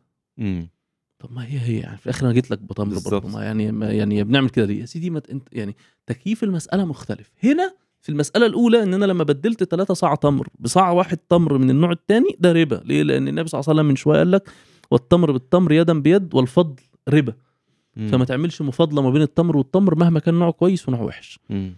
فالمعاملة أصبح صورتها إن هي جنس بجنس مع فضل في الوزن أو الكيل فبقى الفضل ده ربا فضل يعني زيادة مع. زيادة في الوزن أو الكيل فبقت الزيادة دي ربا. لكن في المعاملة الثانية بقت بيع وشراء بيع وشراء فبيع. مع إنها أدت البيع. النتيجة أدت نفس النتيجة مش مشكلة. خد حضرتك ده هيجرنا لمسألة طويلة إن شاء الله هنتكلم عنها وهي الحيل الفقهية مم. بس خلينا نمسك الايه اللقطة دي دلوقتي. إن أنا بتكلم اللقطة دي معلش ماشي طب أيوة، كمل. آه لا لا كمل عشان عندي سؤال في اللقطة دي بس يعني بعد ما عشان ما أقطعش أفكارك بس. طيب أنا بتكلم دلوقتي على تكييف المسألة فقهيا. مم. تمام. طيب المسائل ال- ال- ال- ال- اللي النص الشرعي ورد فيها بشكل مباشر زي التمر بالتمر يدا بيد والفضل ربا. أدي مم. كده كيفت المسألة. جميل. والحديث الثاني لا بيع بيع هذا بالدراهم واشتري به كذا. فده كده واضح. مم. بتجد عندي مسألة جديدة. فعشان أقدر أقيس المسألة الجديدة وأقول إن دي مقيسة على دي أو حتى مش مقيسة يعني عشان أديها حكم من الاثنين إن هي تقاس على دي فتاخد حكمها أو إن أنا ألغي القياس فيها وأقول إن مفيش قياس يعني إما لأن القياس هنا علته قاصرة عندي مثلا ما تمتش أو لأن في فارق أو في كسر أو كذا من صور إبطال القياس سواء قست أو لم اقس لابد مم. إن أنا أصور المسألة أيوه فتصوير المسألة هنا بي بعد تصوير المسألة بيحصل نوع من أنواع التخريج الفقهي يعني إيه التخريج الفقهي؟ النهاردة المجتهد القديم اللي هو مثلا الإمام أبو حنيفة أو الإمام مالك أو كده هو عنده أد... يعني عنده أدوات ومكنة من الاجتهاد في النص الشرعي عالية جدا مم. فهو وضع أصلا أصول وضوابط للاجتهاد في النص الشرعي وكمان اجتهد وخرج أحكام شرعية على صور متعددة جدا جدا أنا الفقيه اللي جاي بعده عندي حاجة مش عند الإمام وهو عنده حاجة مش عندي. أنا عندي المسائل المستجدة. مم. ما تعرض لهاش الإمام ولم يفتي فيها. وهو عنده الأداة الأداة الفقهية الدقيقة والعميقة لاستنباط الأحكام في المسائل. فأنا باخد أداته في استنباطه للأحكام في المسائل ليه هو عنده الأداة دي؟ ما هو نقلها لي. ليه هو يعني هي ليه عنده مش عندي؟ ده كلام كويس جدا. لأن الأداة الفقهية بترجع لعدة اعتبارات. بعضها انقطع أصلا. منها مثلا العلم باللغة العربية. أنا وأنت النهارده بنتكلم عربي كده عربي اللي هو مش عربي. بتاعنا ده. أيوه. آه آه آه آه النهارده مثلا علماء اللغة لو أنت رحت لسيبويه وغيره يقول لك بعد 150 هجرية اللسان العربي انحرف. اللسان العربي في الأمصار. وبعد 400 هجرية اللسان العربي حتى في البادية انحرف. يعني ما عادش الكلام المنقول على ألسنة العرب حجة. 400 في البادية. مم. تمام؟ مم. فما عادش ال- الكلام المنقول على ألسنة العرب الفصحاء في الأمصار حجة. مم. بقى ممكن نقول للواحد أصله من كنانة ولا أصله من قريش؟ أنت أخطأت في النحو يا عم الشيخ. مم. يا عم ده أنا أصل اللغة نقول له يا باشا معلش. معلش راحت عليك الوالد رحمه الله كان أصل اللغة لكن أنت بتلحن. أنت مم. بتقول كلام مخالف لنصوص كلام العرب. بترفع المفعول أو بتنصب الفاعل أو كده. فده بيؤثر لا شك على لأن النحو على سبيل المثال هو النحو يمكن إيه؟ علامة بارزة جدا في فصاحة وإيه وعدم فصاحة المتكلم. ف ف ف فالخطأ في النحو بيعكس حالة من آه، يعني إيه آه، نقدر نقول اضطراب المعنى يعني. ليه لأن النحو ناسب المعاني أنا مم. النهارده لما بقول مثلا آه آه مثلا إيه الآية المشهورة إنما يخشى الله من عباده العلماء أنا بالنحو فهمت إن المخشى المخشي منه هو الله سبحانه وتعالى وإن الخ... الذي خشي هو العالم مم. مع إن ال- المفعول مقدم والفاعل مؤخر بس ليه لأن المنصوب علامة على ال- النصب علامة على المفعولية والرفع علامة على الفاعلية والفاعلية هنا نسبت أو أسندت إلى الإيه أسند إليها الخشية والمفعولية أسند إليها ال- ال- الخشية فبقى المخشي وهكذا.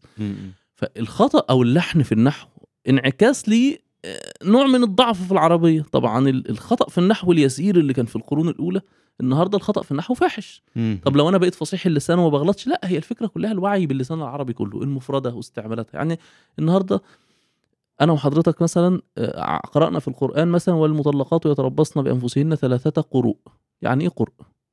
أنا قرء بالنسبة لي كلمة اعجميه أنا ما أعرفهاش. وحضرتك ما تعرفش يعني إيه قرء. لكن عرفناها منين؟ لما فتحنا القاموس. لقينا في آه. القاموس بيقول إيه؟ لأن أعجمية بمعنى إن هي تقصد مش استخدامنا. يعني مش آه ما نعرفها بتاعتنا. غريبة. بلا يعني خلينا نستعمل المصطلح اللغوي الصحيح. غريبة. من غريب اللغة. أيوه. يعني إيه قرء؟ يا جماعة ما أعرفش. فأنا فتحت القاموس لقيته بيقول لي قرء مشترك لفظي بين ال- ال- الحيض حيض والطهر. أنا أنا أنا سمعت ده من القاموس. لكن. الامام الشافعي مثلا أو أبو حنيفة كان استعملوش من. القاموس هو آه. ده جزء من لغته مم. فهو تمام هي واصلة عنده تماما إن قرء مشترك لفظي بين مش. محتاج يسمع تفسير مش محتاج يشوفها في المعجم مم. وتعاطى معاها انفعال طبيعي انفعال فقيه طبيعي مع النص فاستيعابه للمعنى الإمام الشافعي يقول لك أنا بت امبارح ليلة طلعت 50 حكم من النص الشرعي أنا لو أنا وحضرتك بيتنا 50 ليلة ممكن ما أعرفش اطلع حكمين من النص الشرعي الواحد ففطنه ال- ال- ال- الفقيه مع مع وعيه باللغة العربية وعي وعي حقيقي وعي متكامل يضم المفردة واستعمالاتها وأوجهها البلاغية وأوجهها النحوية وشواهدها العربية عند العرب القديمة إلى آخره فهو وعيه بالنص وقراءته ليها مختلفة تماما عن قراءتي أنا وحضرتك للنص. فدي مكنة أساسا أو آلة عامة فقدت يعني هنجيبها إزاي؟ مم. أضف إلى ذلك مثلا معرفة الفقيه بالحديث. أنا وحضرتك النهارده برضو بنقول مثلا إيه؟ هذا حديث ضعيف. أيوه جبنا منين إنه ضعيف قال ابن حجر في لسان الميزان فلان فيه لين مثلا فيه إيه؟ لين لين لين. الحديث. فلان لين الحديث. أيوه أنا حضرتك أنا عرفت إن هو لين الحديث من ابن حجر لكن أبو حنيفة بيروي الحديث عن أصحاب ابن مسعود عن ابن مسعود فهو الموضوع هو عارف شيوخه عارف اللين منهم من من الثقة مالك. بن أنس بيروي عن أصحاب ابن عمر عن ابن عمر فهو عارف اللين منهم من الثقة.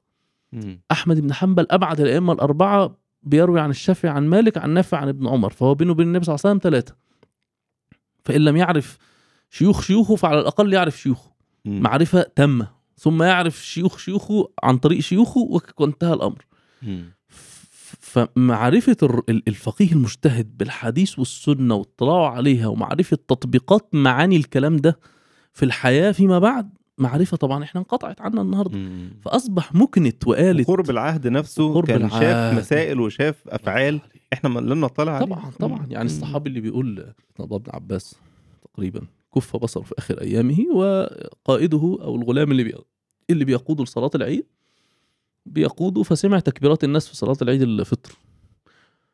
فعبد الله بن عباس لم يعهد تكبيرات الناس في عهد النبي صلى الله عليه وسلم في عيد الفطر بصوت عالي.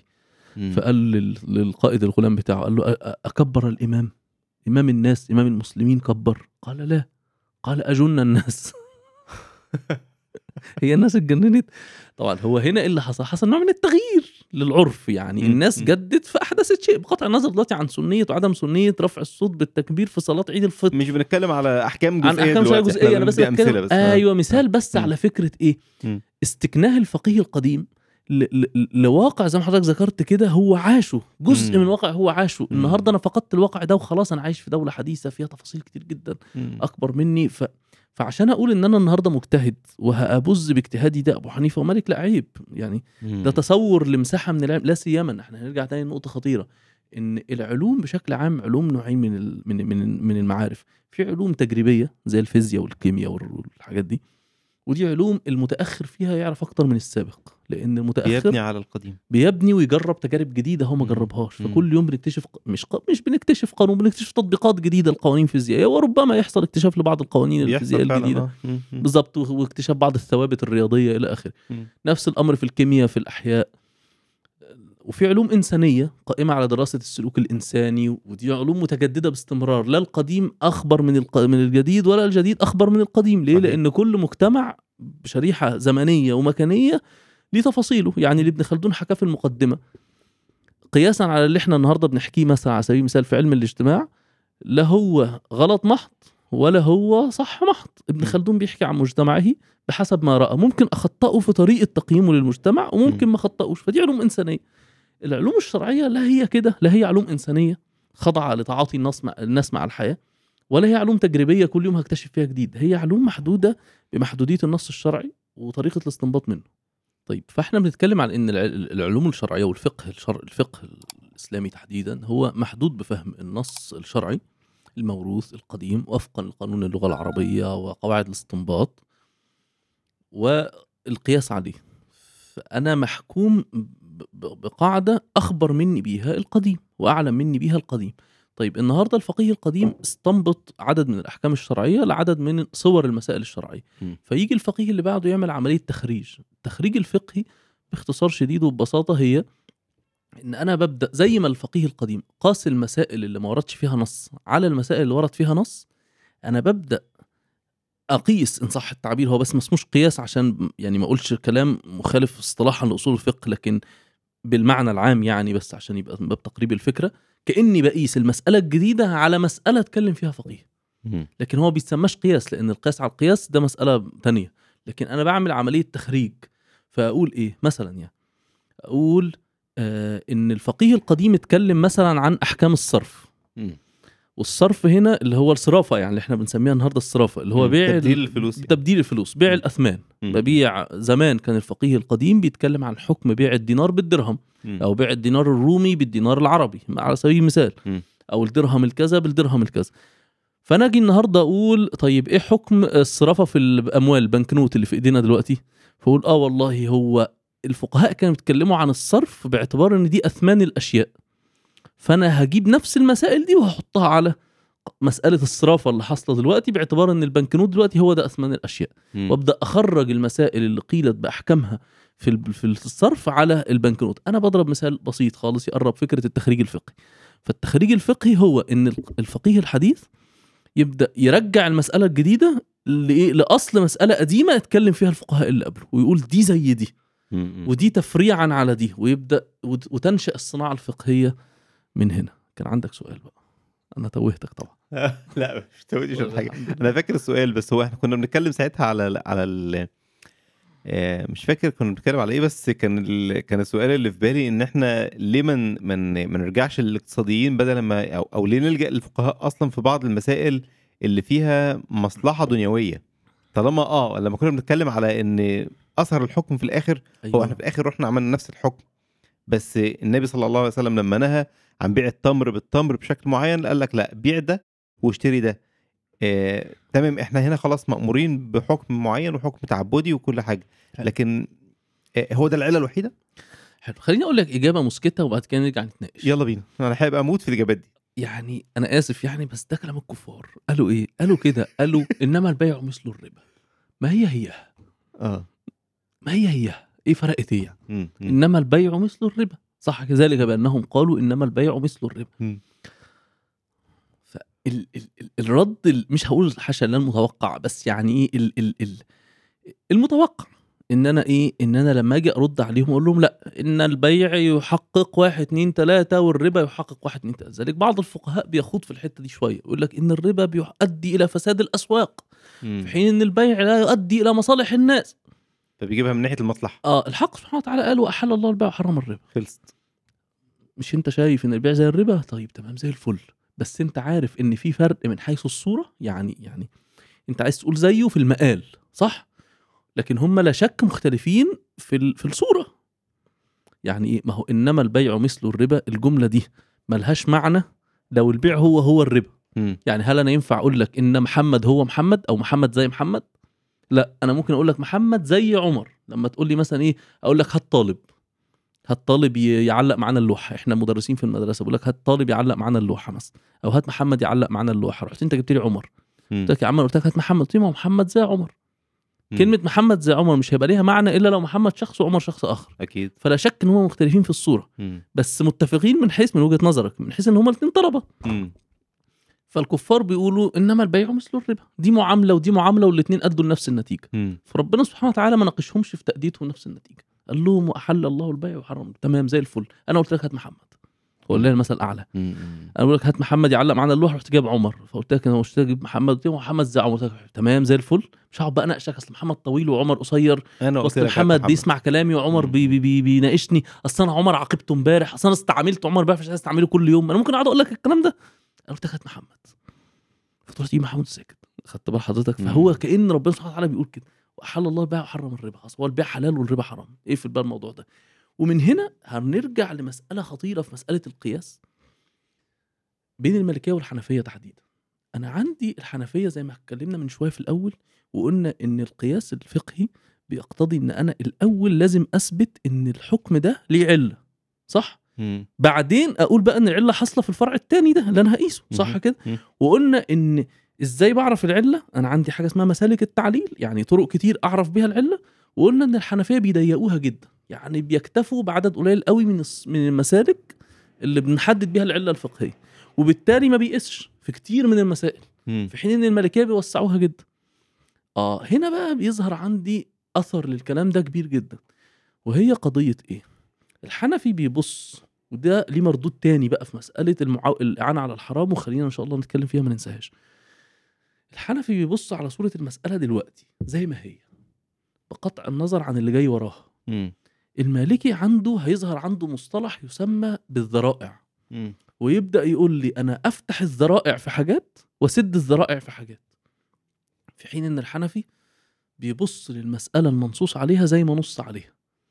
هي دي حرام ولا هي دي حلال؟ فتقول له مثلا إيه بس الحلال ده يا مولانا هيؤدي بينا الحرام تاني. يقول لك لما يؤدي الحرام يبقى حرم الحرام اللي هناك لكن الحلال اللي هنا حلال. مم. وهندي أمثلة على كده. المالكي يقول لك لا ده الحلال ده بيؤدي إلى حرام قدامي اقفل لي الباب الحلال ده دلوقتي واعمل لي سد ذرائع والعكس بالعكس. أحيانا الحنفي تيجي له مسألة. هي الآن حرام بس إحنا مثلا إيه لو فتحناها هت هت هتساعد على تحقيق مصلحة معينة. فالحنفي يقول لك هي دي حرام أنا ما عنديش حل تاني. فالمالكي يقول لك يا مولانا دي هتساعد وهتحقق مصالح أكبر من الحرام اللي هنرتكبه هنا. افتح الذريعة. اذا أصبح المالكي عندي حد بيبص لمآلات الأحكام الشرعية والحنفي حد بيبص لدقة النصوص الشرعية. مم. أشبه كده لو رجعنا لحديث الخلاف بين الصحابة في طريق بني قريظة. الحديث بيقول إيه؟ لا يصلين أحدكم العصر إلا في بني قريظة. في حد نفذه حرفي فواحد قال خلاص أنا لن أصلي العصر إلا في بني قريظة. راح قال له واحد تاني قال له "بس ده هيؤدي إلى إن أنا ما أصليش العصر يعني أو يعني مش ما أصليش يعني أخر العصر. العصر للمغرب. واحد يقول له هو قال ما حدش يصلي العصر إلا في بني قريظة. والتاني هيقول إيه لا ده هيؤدي إلى تفويت العصر فأنا ألحق أصليه دلوقتي وأروح وممكن العكس خد بالك ممكن واحد يقول له إيه ده هو بيقول كده بيستعجلنا لكن الحكم الثابت هو صلاة العصر في ميعادها. فالتاني يقول له لا تفويتك للصلاة هيؤدي إلى إلى التعجيل بنصرة المسلمين عند بني قريظة. مم. فأنا أفوت الصلاة بس أنصر المسلمين عند بني قريظة. نصر المسلمين أولى من الصلاة في وقتها مثلا. خدت شفت أيوة. طريقة النظر زاوية النظر. أيوه. واحد باصص على دلوقتي بقطع النظر عن دلوقتي. أنا عندي في حديث بني قريظة تحديدا نقطتين ممكن أقف عليهم. ممكن أقف على نقطة الحديث بتاع لا يصلين أحدكم. وممكن أقف على الحكم العام القطعي. بتاع إيه؟ ان كل صلاة على وقتها. وافهم الحديث في إطار المجاز. خلاص. فسواء أنا فهمت الحديث في إطار المجاز أو فهمته في إطار الحقيقة أنا متبني فكرة إن في واقع أنا ملزم بيه.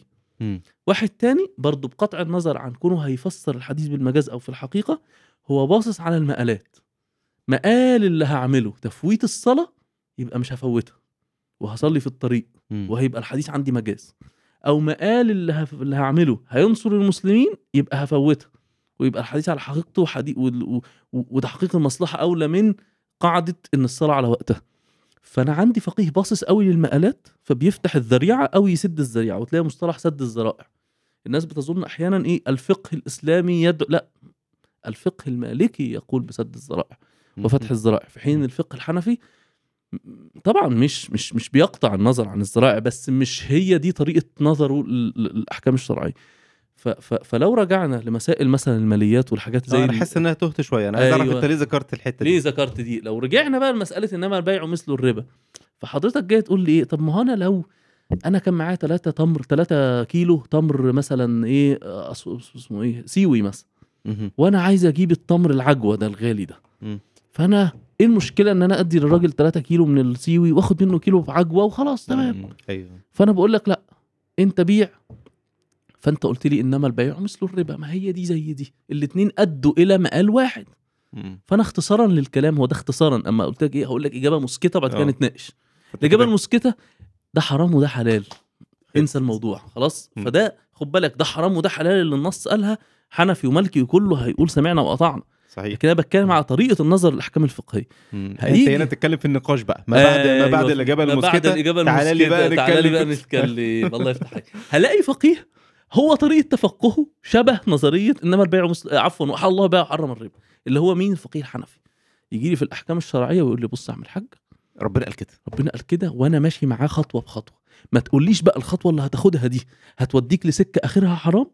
ولا الخطوة اللي هتاخدها دي إحنا محتاجينها عشان هتحقق مصلحة ومنفعة كبيرة للمسلمين. ما تقوليش الكلام ده. مم. أنا يا باشا اسألني الخطوة دي حلال ولا الخطوة دي حرام؟ لو الخطوة حلال أنا ماشي حلال لو الخطوة حرام أنا ماشي حرام وأديك تطبيقات على الهنا وهنا. مم. هيبدأ يظهر عندي قضية الحيل الفقهية. خط- والعكس هلاقي الفقيه المالكي يقول لي لا معلش أنا أنظر إلى مآلات الأمور. الحيل الفقهية؟ آه الحيل الفقهية. مم. الفقيه الحنفي عنده مساحة من الحيل الفقهية. مم. يعني إيه الحيل الفقهية؟ زي حديث النبي صلى الله عليه وسلم. ما هي دي حيلة. يعني إيه حيلة؟ إيه تعريف الحيلة؟ هنتكلم فيه بس أنا عايز دي أمسك. حيلة ولا دي حاجة ولا ده توجيه ثابت؟ ما هو لو لو بصيت له من زاوية إن ده كلام النبي صلى الله عليه وسلم نقل الشرع الشريف عن ربنا سبحانه وتعالى والمبلغ الأمين وال وال وال والمعصوم صلى الله عليه وسلم فده شرع خلاص الموضوع خرج من إيدينا ده مش ده. مش حيلة. الله. يفتح عليك. لكن لو نظرت إليه إلى إنه بيعلمنا طريقة للنظر في المسائل الشرعية فده قياس أو ده حيلة أو كذا أو كذا. زي حديث الست اللي راحت للنبي صلى الله عليه وسلم وقالت إيه إن أبي إيه مات إيه ولم يحج أو إيه وكان حديث النبي صلى الله عليه وسلم إيه آه آه، مات ولم يحج أفأحج عنه؟ ما كان ممكن صلى الله عليه وسلم يقول لها حجي عنه. وخلاص. وإحنا نعرف من الكلام ده إيه من الحديث ده إيه حكم إن اللي يموت ومش عليه حج ممكن حد مراد يحج عنه وخلاص صح كده. لكن النبي صلى الله عليه وسلم ما قالهاش كده قال لها إيه أرأيت إن كان على أبيك دين؟ قالت أقضيه؟ قال فدين الله أحق بالقضاء. تعلمها القياس. الله يفتح عليك فبيعلمها القياس. مم. فيبدأ الفقهاء يقول لك العبادات البدنية والعبادات المالية والعبادات التي يختلط فيها المالية بالبدنية ينفع ويبدأ يتكلم في المسائل دي. خدت بال حضرتك. فهو هنا قول النبي صلى الله عليه وسلم من زاوية هو تشريع في ذاته بقطع النظر عن تعليم القياس والقياس نفسه ومن زاوية ثانية هو بيربينا ويعلمنا كفقهاء على عملية القياس. فحديث النبي صلى الله عليه وسلم لما يقول له بيع ده بالدراهم واشتري بالدراهم اللي انت عايزه وهاته. ده بيعلمك إزاي تخرج من القيود الشرعية اللي مفروضة على طريقة معاملتك في السوق. خدت بال حضرتك. لما ربنا سبحانه وتعالى يحكي لنا قصة سيدنا أيوب عليه السلام وإن هو أقسم يمين على زوجته إنه يضربها. وبعدين ربنا سبحانه وتعالى اللي يعطيه ال- ال- المخرج الشرعي. ما كان ممكن ربنا سبحانه وتعالى يقول له إيه؟ أسقطت عنك وجوب الوفاء باليمين. مش هو ربنا المشرع أيوة. آه. شيء يمنع الحق سبحانه وتعالى إنه يفعل ذلك لا. حاشا لله. لكن الحق سبحانه وتعالى بيقول له إيه بيعلمنا إحنا كيف يعني هي بس كلمة حيلة إيه آه يعني معنى كلمة لغوي يعني. هي كلمة آه يعني الله يمكن يفتح إيه يمكن مستهجنة شوية أيوة، بالتعامل مع الشرع أنت آه، آه، بتحتال على بالظبط. الشرع أيوه بالظبط هي مش مش حيلة ما أظنش إنها حيلة بمعنى اللي هي اللي أيوة. إحنا مش بننصب يعني على بالظبط ربنا كده لله بالظبط ربنا هو اللي. علمنا نتعامل بالطريقة دي. أيوه بالظبط كده هنيجي لأقسام الحيلة طبعا وإيه منها الجائز وإيه منها غير الجائز. بس أنا بحاول بس أسس مع حضرتك لإيه لطريقة التعاطي مع الحكم الشرعي نفسه. خلاص فهيجي ربنا سبحانه وتعالى مثلا ويقول له إيه فخذ بيدك ضغطا فاضرب به ولا تحنث طب ما كان ممكن؟ لا تحنث لا حنث عليك يا أيوب. صح؟ مم. مش هو حشا يعني سبحانه. وتعالى بكلمة واحدة خلاص. بكلمة وخلاص. لكن مم. لا فخذ وخذ بيدك ضغطا فاضرب به ولا تحنث. اعمل حاجة تخرجك من اليمين. مم. طيب نرجع لقضية الإيه؟ اللي, اللي احل الله بها حرم الربا. إيه الف... إيه الف... ما هي هي؟ هلاقي فقيه يقول لي بص أنا ليا في الآني المعاملة الحالية اللي بعملها. لو هي حلال فما تسألنيش على اللي جاي وراها حرام ولا حلال. ولو هي حرام ما تقوليش وراها مصلحة كبيرة ولا مش وراها مم. وفقيه آخر يقول لي لا قبل ما آخد الخطوة دي أنا هبص على اللي وراها لو اللي وراه حرام أنا ممكن جدا أقول لك إن اللي, اللي, اللي أنت مفكره حلال ده أو اللي هو حلال في ذاته ده أصبح حرام عشان ما يفتحش باب للحرام اللي وراه. مع إن هو في ذاته حلال وهو متفق على كده. والحرام اللي أنت شايفه ده إحنا ممكن نتخطاه ونقبل بيه طبعا الكلام جريء بس يعني اللي هو فتح الذرائع عشان نحقق مصلحة طبعا. إحنا بنفترض دلوقتي. بنفترض وفي أمثلة طبعا. لا لا وفي أمثلة طبعا. تمام؟ طب تعالى للفقيه الأولاني اللي قال لي أنا ليا دعوة بالواقع. بدأ يظهر عنده حاجتين عنده حاجة اسمها الحيل وحاجة اسمها الإعانة على الحرام أو مسألة الإعانة على الحرام. مم. يعني إيه الكلام ده؟ عمالين ننتقل دلوقتي. أيوه أنا عندي أربع افتراضات لازم بقى نمسكهم النهارده واحدة واحدة كده. أول حاجة. فتح الذرائع وعفوا أول حاجة الحيل تاني حاجة ال ال ال ال الإعانة على الحرام تاني حاجة فتح الذرائع وسد الذرائع الأربع افتراضات دول بيندرجوا تحت إيه؟ أيوه تحت تحت إيه- إيه- أما اتكلمنا عن واحل الله البيع وحرم الربا خلاص إن أما بيجي حد يقول لي طب ما الأحكام شبه بعض ما النتيجة واحدة مم. صح مم. يجي حد يقول لي طب هو فرقت إيه. أصل ده بيحصل كتير جدا لما نيجي نتكلم مثلا في مسألة البنوك الإسلامية مثلا على سبيل المثال يعني مسائل. التمويل الإسلامي بشكل عام. فيجي حد يقول لك إيه، أنا عايز أشتري عربية بالقسط رحت البنك فقال لي مثلا هديك فايدة مثلا 8% مثلا أي ما ما كانت الفايدة 8% البنك الإسلامي قال لي مثلا 10% فهو طبعا زعلان على 2% فبيحاول يشوف مخرج إن إيه إن البنك العادي يبقى حلال. مم. فيعمل إيه؟ يحاول يحسسك إن يوصل ده معاك زي ده. الله يفتح عليك إن الإسلامي زيه زي الربوي. فتقول له مثلا الاسلامي بيعمل معاك مرابحه ما هي هي؟ فإحنا عايزين نقول له إن مش هي هي. مم. ليه مش هي هيها؟ لأن أنا عندي طريقة تفقه مختلفة. هت... هتبدأ تنظر المسائل الشرعية بطريقة مختلفة. إزاي؟ قال لي تعالى لي بس واحدة واحدة. أنا دلوقتي عندي فقيه بيبص للمسألة الشرعية على إن هي دي. أنا اللي بعمله الآن حلال ولا حرام؟ تقول لي حلال. ما تقوليش بقى هو مشابه أو هيؤدي إلى نفس النتيجة اللي هتؤديها الحاجة المحرمة. خدت بال حضرتك. والعكس. والعكس عشان هو فقيه متسق مع ذاته. الحاجة اللي بعملها الآن حرام ولا حلال؟ فتقول لي مثلا حرام. ما تقوليش بقى إن هي هنغمض عينينا عنها عشان هي هتؤدي بينا لحاجة حرام. تمام كده؟ حلال آه. حلال عفوا. تمام؟ مم. ده طريقة تفقه على بعضها كده. الفقيه بتاعها بيبص لعين الفعل اللي العبد هيفعله. العين الفعل ده الفعل ده حلال ولا حرام؟ فيقول له حلال. ده بيع مثلا. خلاص اعمله. أيوه مولانا بس ده بيتحايل بيه على اعمله. مم. عين الفعل ده حرام. بس يا مولانا ده إحنا لو عملناها هنحقق مصالح جامدة قوي للمسلمين. ما تعملوش. ما تعملوش. مم. في مقابل فقيه آخر بيبص للمقالات. وبيقول لك والله الفعل ده لو هيؤدي إلى مصالح كبيرة اعمله حتى لو في بأس طبعا الكلام مش على إطلاق وكل حاجة ليها. ضوابطها بس أنا بضرب مثال على طريقة مم. تفقه الفقهاء ونظر الفقهاء للمسائل الشرعية لا سيما في مسائل الم- الماليات والعقود عايزين مثال كده عايزين. أمثلة كتير آه. أنا عايز مثال مم. آه جالي هنا في مسألة زي مسألة الإيه الربا مثلا آه، إحنا قلنا من شوية ان أنا لو مثلا آه، بدلت حاجة بحاجة من نفس الجنس وبزيادة ده حرام صح كده زي صح. التمر كده في الحديث مم. لكن لو أنا بعت ده ورحت اشتريت بالفلوس دي حاجة تانية فخلاص أنا بعت بيع حلال مم. اشتريت شروة حلال مم. مع انه وصلت لنفس أنا عايز مثال معاصر شوية معلش إن إحنا المثال ده. قلنا مثلا قلنا مرتين فأنا عايز ومش آه. واصل معايا حلو لا قوي هو واصل لا، لا، بس تمام. إحنا قلنا مرتين. فأنا عايز مثال كده إيه حلو مثال أوي. من حياة الناس بجد حلو بقى قوي آه. مثال بقى من حياة الناس مم. أنا بروح معرض السيارات وبقول له بكام العربيه يقول لي مثلا ب 500 ألف جنيه أقول له طيب أنا مش معايا ال 500 ألف يقول لي هجيب لك بنك سين صاد عين. البنك ده أنت معاك مثلا هو بيشترط إن أنت لازم تدفع مثلا 25 30% من ثمن العربية عشان يطمن لملاءتك المالية ويبقى مطمئن إن أنت شخص عرفت تدخر مثلا 100 150 ألف فأنت كده إن شاء الله تقدر تسدد الأقساط اللي عليك. دي ال 30% المقدم دي نوع من أنواع الضمان يعني. أيوه. يعني مش الضمان يعني اللي هو بيسموه الائتمان يعني إن هي بت بت بتعزز من موقفك الائتماني إن أنت مم. شخص تقدر تدفع يعني. مم. فخلاص هتدفعهم وهو هيسد لك الباقي. هيدفعهم لك. وانت تردهم له بزيادة 8% عن كل سنة مثلا. جميل. فالنتيجة إيه؟ إن أنا بشتري من المعرض سيارة عادي خالص. دفعت مثلا من قيمة ال 100 500 ألف دي مثلا 150 ألف اتبقى عليا 350 ألف رحت واخدهم من البنك مديهم للمعرض. خلاص المعرض باع العربية وملوش دعوة بيها. خلاص كده. وأنا ال 350 اللي أخدتهم من البنك هسدهم له على خمس سنين 350 في 8 في 5 8% في 5 خلاص يعني 350 دي هسدها مثلا مثلا 500 كمان على خمس سنين. خلاص. أنا أخدت فلوس عمليا كده. أنا أخدت فلوس من البنك اللي هي 350 ألف وسددتهم على خمس سنين 500 ألف. فده فلوس بفلوس مع زيادة والفضل إيه؟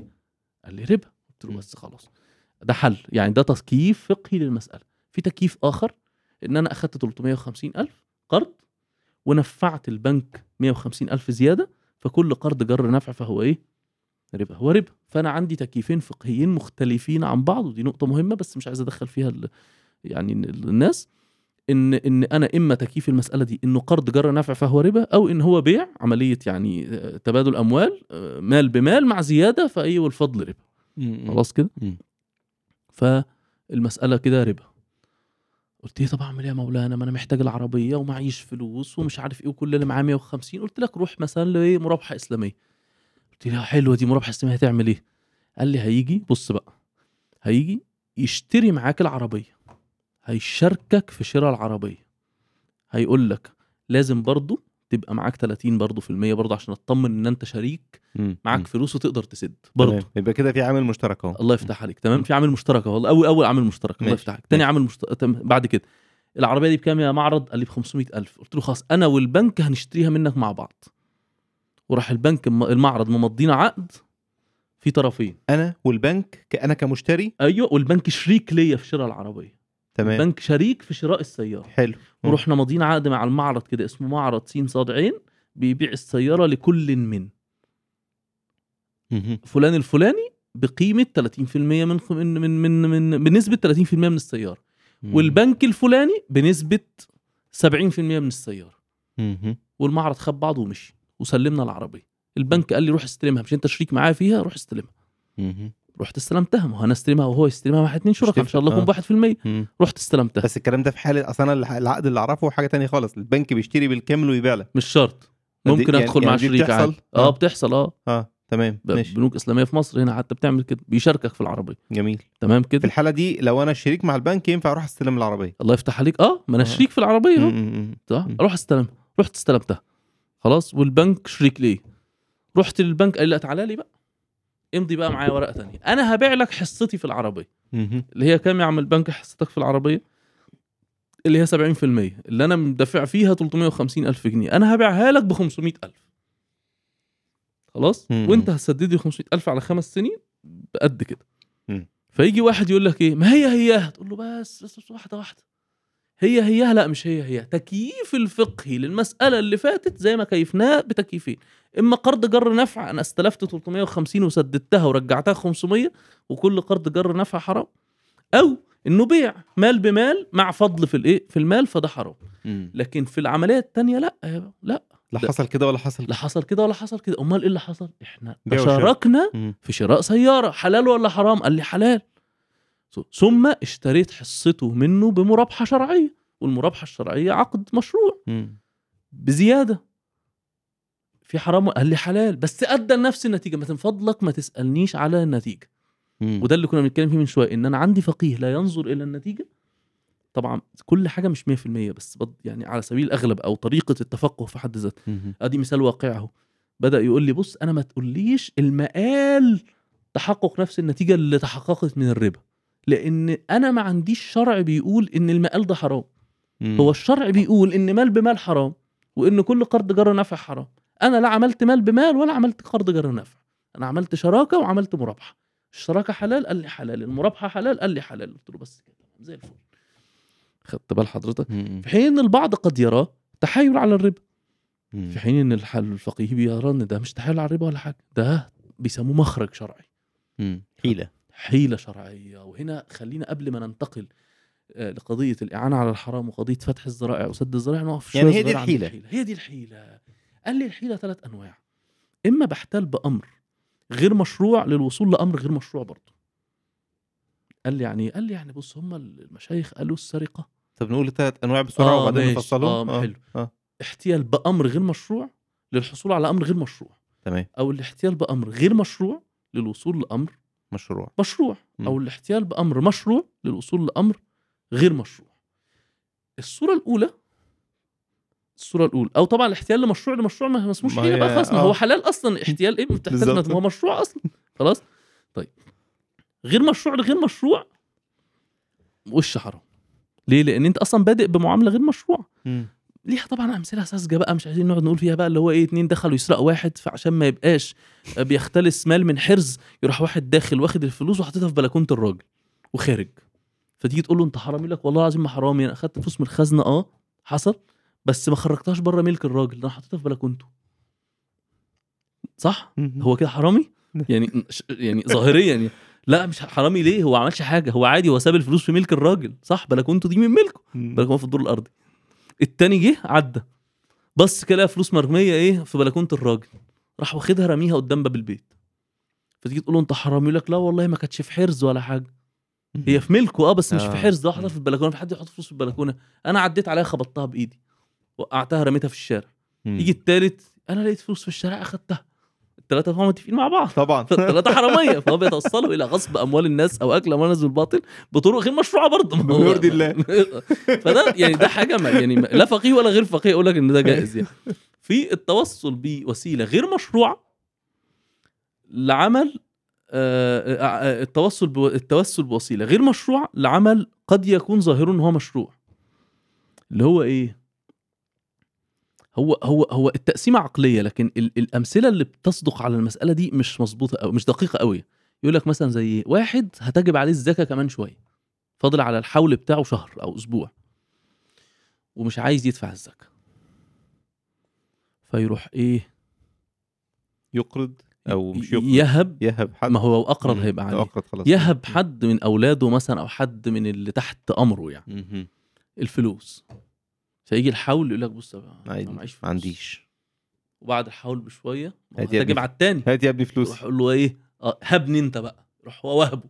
ونقعد بقى إيه؟ أيوه. فهو بيتوسل بطريقة ظاهرها الشرع اللي هي اللي هي الهبة. مم. إلى أمر في الآخر ده ابطال لفريضة ربنا. مم. فما تقوليش بقى إيه ما هو أنا ماليش دعوة. لا مش ماليش دعوة. أنت واضح إن أنت بت إيه بت بت بت تتحايل حيلة طبعا. طبعا هي في مسألة أوضح من كده وأفسد من كده. وهي مسألة إن الإنسان اللي يحصل له زي غيبوبة وقت آه، أكتر من يوم كامل في, كده ما إيه ما يجيبش عليه صلوات اليوم ده. فإيه يقول لك كده؟ حتى أبو نواس ليه أبيات شعر فيها يعني بس مش عايزين نذكر كلام فاجر يعني. بس فيها إيه؟ إن هو إيه يشربوا خمرة كتير يعني فيسكروا أكتر من يوم فما يبقاش عليهم صلوات اليوم ده. عشان هم. سكروا أكتر من خمس صلوات يعني. فطبعا يعني ده كلام. تقول لي إيه؟ معيش صلاة. طب ما عليك حد خمر. يعني عليك سكر.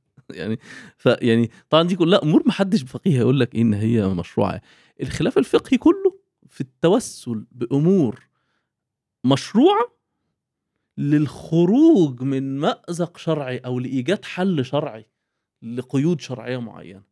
تمام. التغلب على شيء تاني غير مشروع الله يفتح عليك للخروج من من مخرج للخروج بم يعني الخروج بمخرج شرعي لمسألة كان فيها قيود شرعية مم. زي مسألة الربا دي ودي مم. زي ما قلنا ليها أمثلة شرعية في القرآن وفي السنة يعني. فخذ بيدك ضغطا فاضرب به ولا تحنس يعني هو لما اقسم يضرب مراته 100 ضربة كان في باله إن هو يربط حزمة من 100 عشبة ويخبطها بيها يعني 100 طبعاً ما جلده. أكيد ما كانش في دماغه كده طبعا. لكن ربنا جعلها له إيه مخرج مم. النبي صلى الله عليه وسلم لما الراجل قال له كذا تمر. جنيب بتمر كذا فقال له اشبيع واشتري طب ما هو مخرج. فالمخارج الشرعية كثيرة كثيرة ده الفقهاء بيعدوا منها كتير في من السنة يعني. تمام. فهنا مخرج شرعي لإيه؟ لأزمة فقهية أو لمسألة فقهية معينة. فأنا النهارده لما أكون محتاج فلوس عشان أشتري عربية أو محتاج عربية فأروح أعمل عملية شراكة ثم مرابحه هل أنا عملت حاجة غلط؟ لا ما عملتش حاجة غلط بس تحققت بنفس النتيجة اللي عملها واحد غلط. طب أنا مش مشكلتي إن في ناس بتعمل سكة غلط عشان توصل للحاجة دي؟ طب ما يمكن كان العكس. يعني يمكن كانت البداية تكون بشراكة ومرابحة وفي ناس بتضل كده وبتروح تستسهل. يبقى. هم يبوظوا علينا عيشتنا ليه؟ مم. تمام؟ فده مثال لمسألة الحيل الفقهية أو مثال لمسألة الفقيه اللي هو لا ينظر مش لا ينظر طبعا لكن ليس الاعتبار الأساسي عنده لما بعد وإنما الاعتبار الأساسي عنده لعين الإيه؟ المسألة. الكلام ده هيجرنا لنفس الفقيه هيبدأ ياخد في سياق حاجة اسمها الإيه؟ ال- الإعانة على الحرام والإعانة على الحلال. ودي مسألة يمكن بتكثر جدا. يجي شباب يقول لك أنا شغال مثلا developer ببرمج مواقع على الإنترنت أو بعمل آه، تأمين آه، مواقع بعمل cyber security أو بعمل مثلا أو عندي محل وجالي مستأجر هيأجره مني أو عندي شقة وفي حد يأجرها مني أو أنا سواق تاكسي. فتقول له أيوه المسألة فين؟ يقول لك ما أنا سواق تاكسي بيركب معايا الشخص الكويس والشخص الوحش وبوصل ده للجامع وبوصل ده للخمارة والعياذ بالله. مم. يعني طبعا مثال فج يعني بضرب مثال. أنا عندي شقة وجاي يشتريها مني أجرها مني مثلا البنك بنك ربوي مثلا. مم. أو واحد ممكن يبيع فيها سجاير مثلا باعتبار القول بتحريم السجاير وكده. فإيه ال- إيه ال- إيه المسألة؟ هل أنا كده لو أنا برمجت لحد موقع بيبقى بساعده على خده الحرام آه وهو خده نشر عليه فساتين بنات متبرجات. مم. آه عملت تأمين شبكات التأمين الشبكات دي بيتم عليها معاملات آه ربوية محرمة. أنا كده بساعده. مم. فهنا نقول له بقى لا استنى عندك بقى. إحنا لينا في المعاملة الآنية اللي حضرتك بتعملها. مم. ومش هنلتفت للمعاملة التالية. هينبان عليها إيه؟ هينبني عليها إلا إذا اللي أنت بتعمله ده 100% ليس له إلا استخدام محرم. لكن إذا كان اللي أنت بتعمله يحتمل الاستعمال المحرم والاستعمال غير المحرم فالتحريم وقع على اللي بيعمله. لكن اللي انت بتعمله مش عليك فيه مشكلة. فأنا راجل عندي شقة بأجرها. هيجي يأجرها مني البنك. هو مش البنك ده مش ممكن بعد ما يأجرها مني يعمل فيها معاملات شرعية؟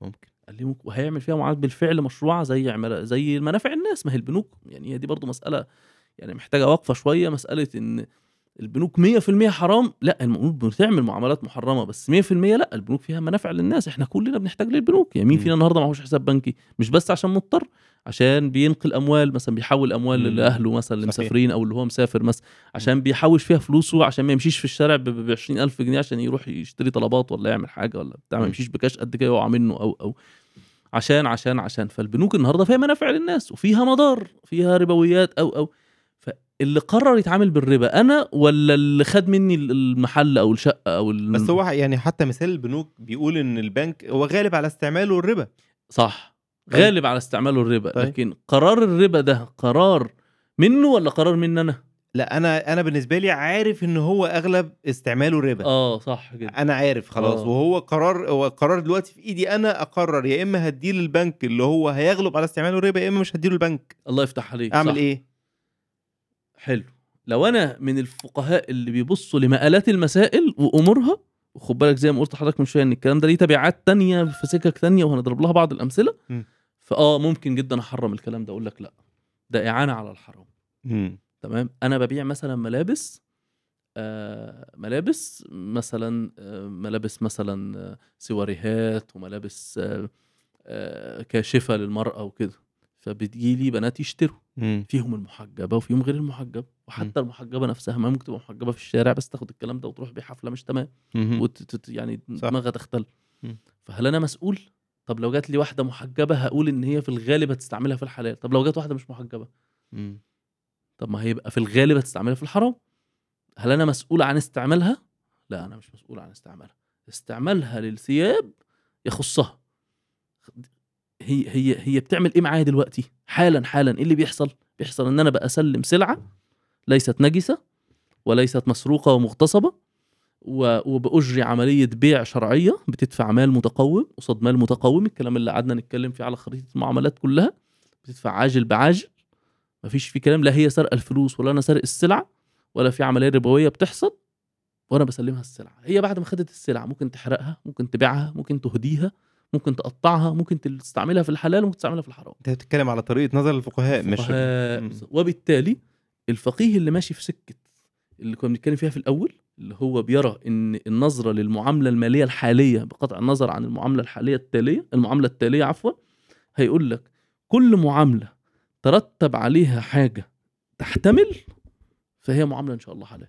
هتقول لي بس أنا الغالب إن هي حرام ده أنا يا مولانا فاتح محل ملابس سواريهات جت بنت متبرجة جدا ده بنت مشهورة لبست الفستان وطلعت. هقول له مشكلتها. لكن أنا عملت معاملة مشروعة. قدمت سلعة مباحة في ذاتها يعني قماش مش نجسة مثلا مش كده مش مسروقة. تمام؟ وبعت لها برضاها وأخدت منها الفلوس برضايا. فدي معاملة مشروعة. خدت بقى الهدوم وطلعت على رأيك وخرجت دي مشكلتها. أنا أجرت سكن. السكن ده أو الشقة دي أو المحل ده المستأجر دفع لي فلوس برضاه وهو أخده للانتفاع بيه لتقديم خدمات للناس مم. بيقدم لهم فيز وبيعمل لهم حوالات لأهلهم وبيعمل لهم قروض ربوية وبيعمل لهم تسهيلات ائتمانية وبيعمل لهم فوائد ربوية 90% من المعاملات ربوية وفي 10% معاملات مباحة مشكلته هو بالمدير بتاعه بالإدارة بالموظف بصاحب البنك لو هو بنك خاص بكل حاجة مم. ده اتجاه فقهي معتبر مم. تمام؟ ويبدأ الاتجاه ده هي يعني هيخبط معايا كتير قدام. فهيبدأ مثلا يقول لي إيه طب إحنا يا شيخ فريق شغل آه، بناخد مواقع كاملة وبنصممها. فبتجي لنا مواقع fashion مثلا. فأقول له أه بتعملوا إيه؟ يقول لي بنرسم ال UX للموقع وبنصمم ال graphics وبنبرمج وبنحط المحتوى. أقول له بس وقف عندك. هتبرمج تعمل كود برمجي اللي بيع وشراء و cart وشراء وعمليات دفع و payment أو بتاع وكل method وكل حاجة تمام. هتعمل آه، جرافيك اللي هو العادي الزراير وال UI design تمام بغض النظر عن الاستخدام اللي صاحبه هيستخدمه. فيه بس كده. آه هو بقى خده وحط عليه content عبايات حط عليه content ملابس داخلية مانيكان وصور آه، graphics وكده حط عليه صور آه، عاريات دي مشكلته لا ده إحنا اللي بنحط الصور والله حرام عليك ما تحطش الصور مم. انت كده بتحط بإيدك الصور الحرام. مم. ليه؟ لأن ما تقوليش بقى إيه ما هو مش أنا اللي ببص. لا أنت أصلا بتبص أنا دلوقتي، أنت الصراحه الف- ال- الكلام ده مفاجئ جدا بالنسبة لي. صحيح. يعني في... طب ما أنت أنا في الآخر برضو أعنته على الحرام. أنا عارف إن هو هيستعمله في إيه. أيوه. يعني أنا جاي لي أنا جاي لي شركة مجالها أصلا كله حرام. جاي لي شركة... خلينا أيوة. نتكلم في المثال اللي حضرتك اتكلمت فيه. أيوه. حد بتاع فساتين سواريه آه. ما هو سو... فساتين. أفراح. آه حلو. أنا عارف شغله. مني قماش. لا مش بيشتري مني قماش. ده هو مثلا أنا أنا اللي أنا اللي عامل له الموقع. أو بيشتري آه. مني قماش. آه. خليه بيشتري مني قماش. ماشي. ما أنا عارف هو هو يعمل بيه إيه. أنا متأكد هو يعمل بيه إيه. إزاي؟ أنا كده ما ببقاش اعنته على الحرام؟ لا. لأن هو اللي راح عمل الحرام مش أنا. مم. حتى لو أنا عارف. حتى لو أنا عارف طبعا. خد بال حضرتك بقى. إحنا شوية بن إيه؟ يعني ودي بقى من ساعة الفقه الإسلامي. إحنا شوية هنقفش على صاحب موقع ف... صاحب موقع فساتين وعلى صاحب مش عارف سوبر ماركت بيبيع سجاير صح؟ مم. طيب أنا شغال في شركة الكهرباء. ومعايا سكينة الكهرباء بتاعت مدينة نصر. أفتحها ولا أنزلها؟ أنت هتستهبل أفتحها طبعا. أقول له بس أصل في في مدينة نصر في المكان الفلاني كذا كذا كذا، في واحد مش كويس. أنا عارفه عارفه. بيعمل أفعال حرام. أيوه ما أنت مالك بيه؟ ما أنا اللي موصله الكهرباء صح ولا مش صح؟ اوصل له ولا ما أوصلهالوش؟ بس ده, ده مثال بعيد شوية مثال بعيد. طب أوي. طيب لو أنا في إيدي أقطع عنه الكهرباء بتاعته؟ بتاعته هو بلاش على مدينة نصر كلها. ما أنا برضو مش صاحب الشركة. أنا مش صاحب شركة الكهرباء أنا ولا ولا دي. حاجة طب ممكن الواحد أنا أروح أشتغل موظف في لا البنك؟ ولا لا ولا, طيب. ولا دي حاجة أنا في إيدي إن أنا يعني لو أنا أنا, صاحب أنا شركة الكهرباء؟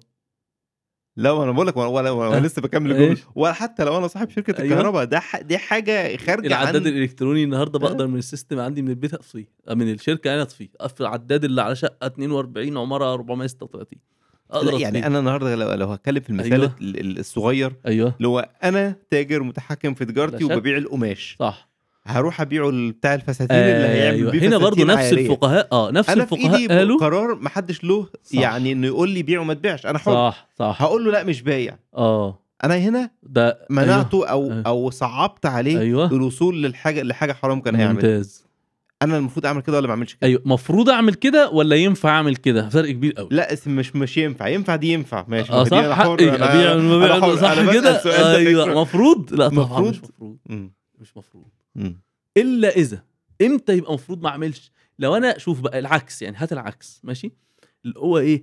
أنا ببيع سجاد. خلاص؟ فجالي جامع الحمد يشتري مني سجاد. فانا قلت الله ربنا بعتها لي فرصة. يا أولاد اعملوا لهم خصم 30% عشان إحنا بنساعد الجوامع. بيع لهم. فالمحاسب قال لي يا باشمهندس ده سعر ال- التكلفة. أيوه يا ابني حلو قوي إحنا يعني كويس يعني إيه؟ يعني كفاية إن إحنا مش هنخسر بس. في السجادة اللي هنديه للمسجد. يعني يا أولاد خدوا حتة بقى بتاعت المحراب دي من عندي. مثلا يا صح؟ أنا كده عايز أساعد الجامع صح؟ مم. طيب لو أنا جالي بقى إيه آه البنك الفلاني ولا بلاش الخمارة الفلانية عشان حافة فجرة تماما تمام؟ عايزين يشتروا مني سجاد. الله عايزين يساعد بقى الجماعة بتوع الخمرة دول بقى إيه حتى لو ما عملتلهمش خصم. النية دي حرام ومفروض ما أعملش كده.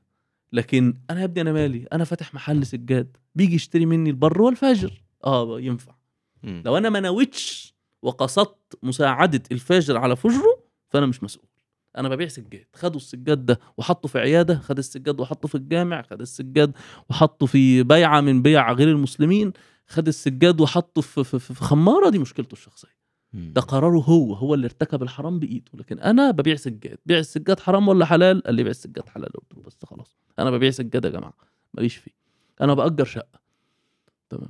لكن ودي يمكن مسألة شوية بس الموضوع ده ممكن يمتد لأبعاد أخطر من كده. يعني إحنا بنتكلم برضو في أمثلة. آه أيوه. أمثلة يمكن تكون بسيطة شوية. بساتين ومش عارف صح إيه، وحتى صح. وبنك كده كده هيأجر وهيعمل. صح. لكن إحنا ممكن نمتد نتكلم مثلا لا ما هل نقول مثلا النبي صلى الله عليه وسلم في المدينة. كان بيتعامل مع اليهود إزاي؟ كان هل كان في بيع وشراء مثلا في مسألة السلاح؟ لا مسألة السلاح مسألة مختلفة طبعا. مسألة السلاح مسألة مختلفة. اولا في نقطتين هنا بخصوص السلاح والعدو بشكل عام. شوف آه، بيع ال- الأكل حتى. الأكل أقل حاجة. أبسط حاجة اللي هو الحلال المحض فول مم. للمحاربين الأصل فيه الجواز لأن أنا ببيع فول. مم. إلا إذا أمير المؤمنين أمير المؤمنين هي اللي هو قائد المسلمين يعني ممكن يبقى بمصطلح الحديث رئيس الجمهورية ممكن يبقى بمصطلح أيوة. الحديث وزير الدفاع كده. المسؤول. المسؤول. فرض مقاطعة على المحاربين دول.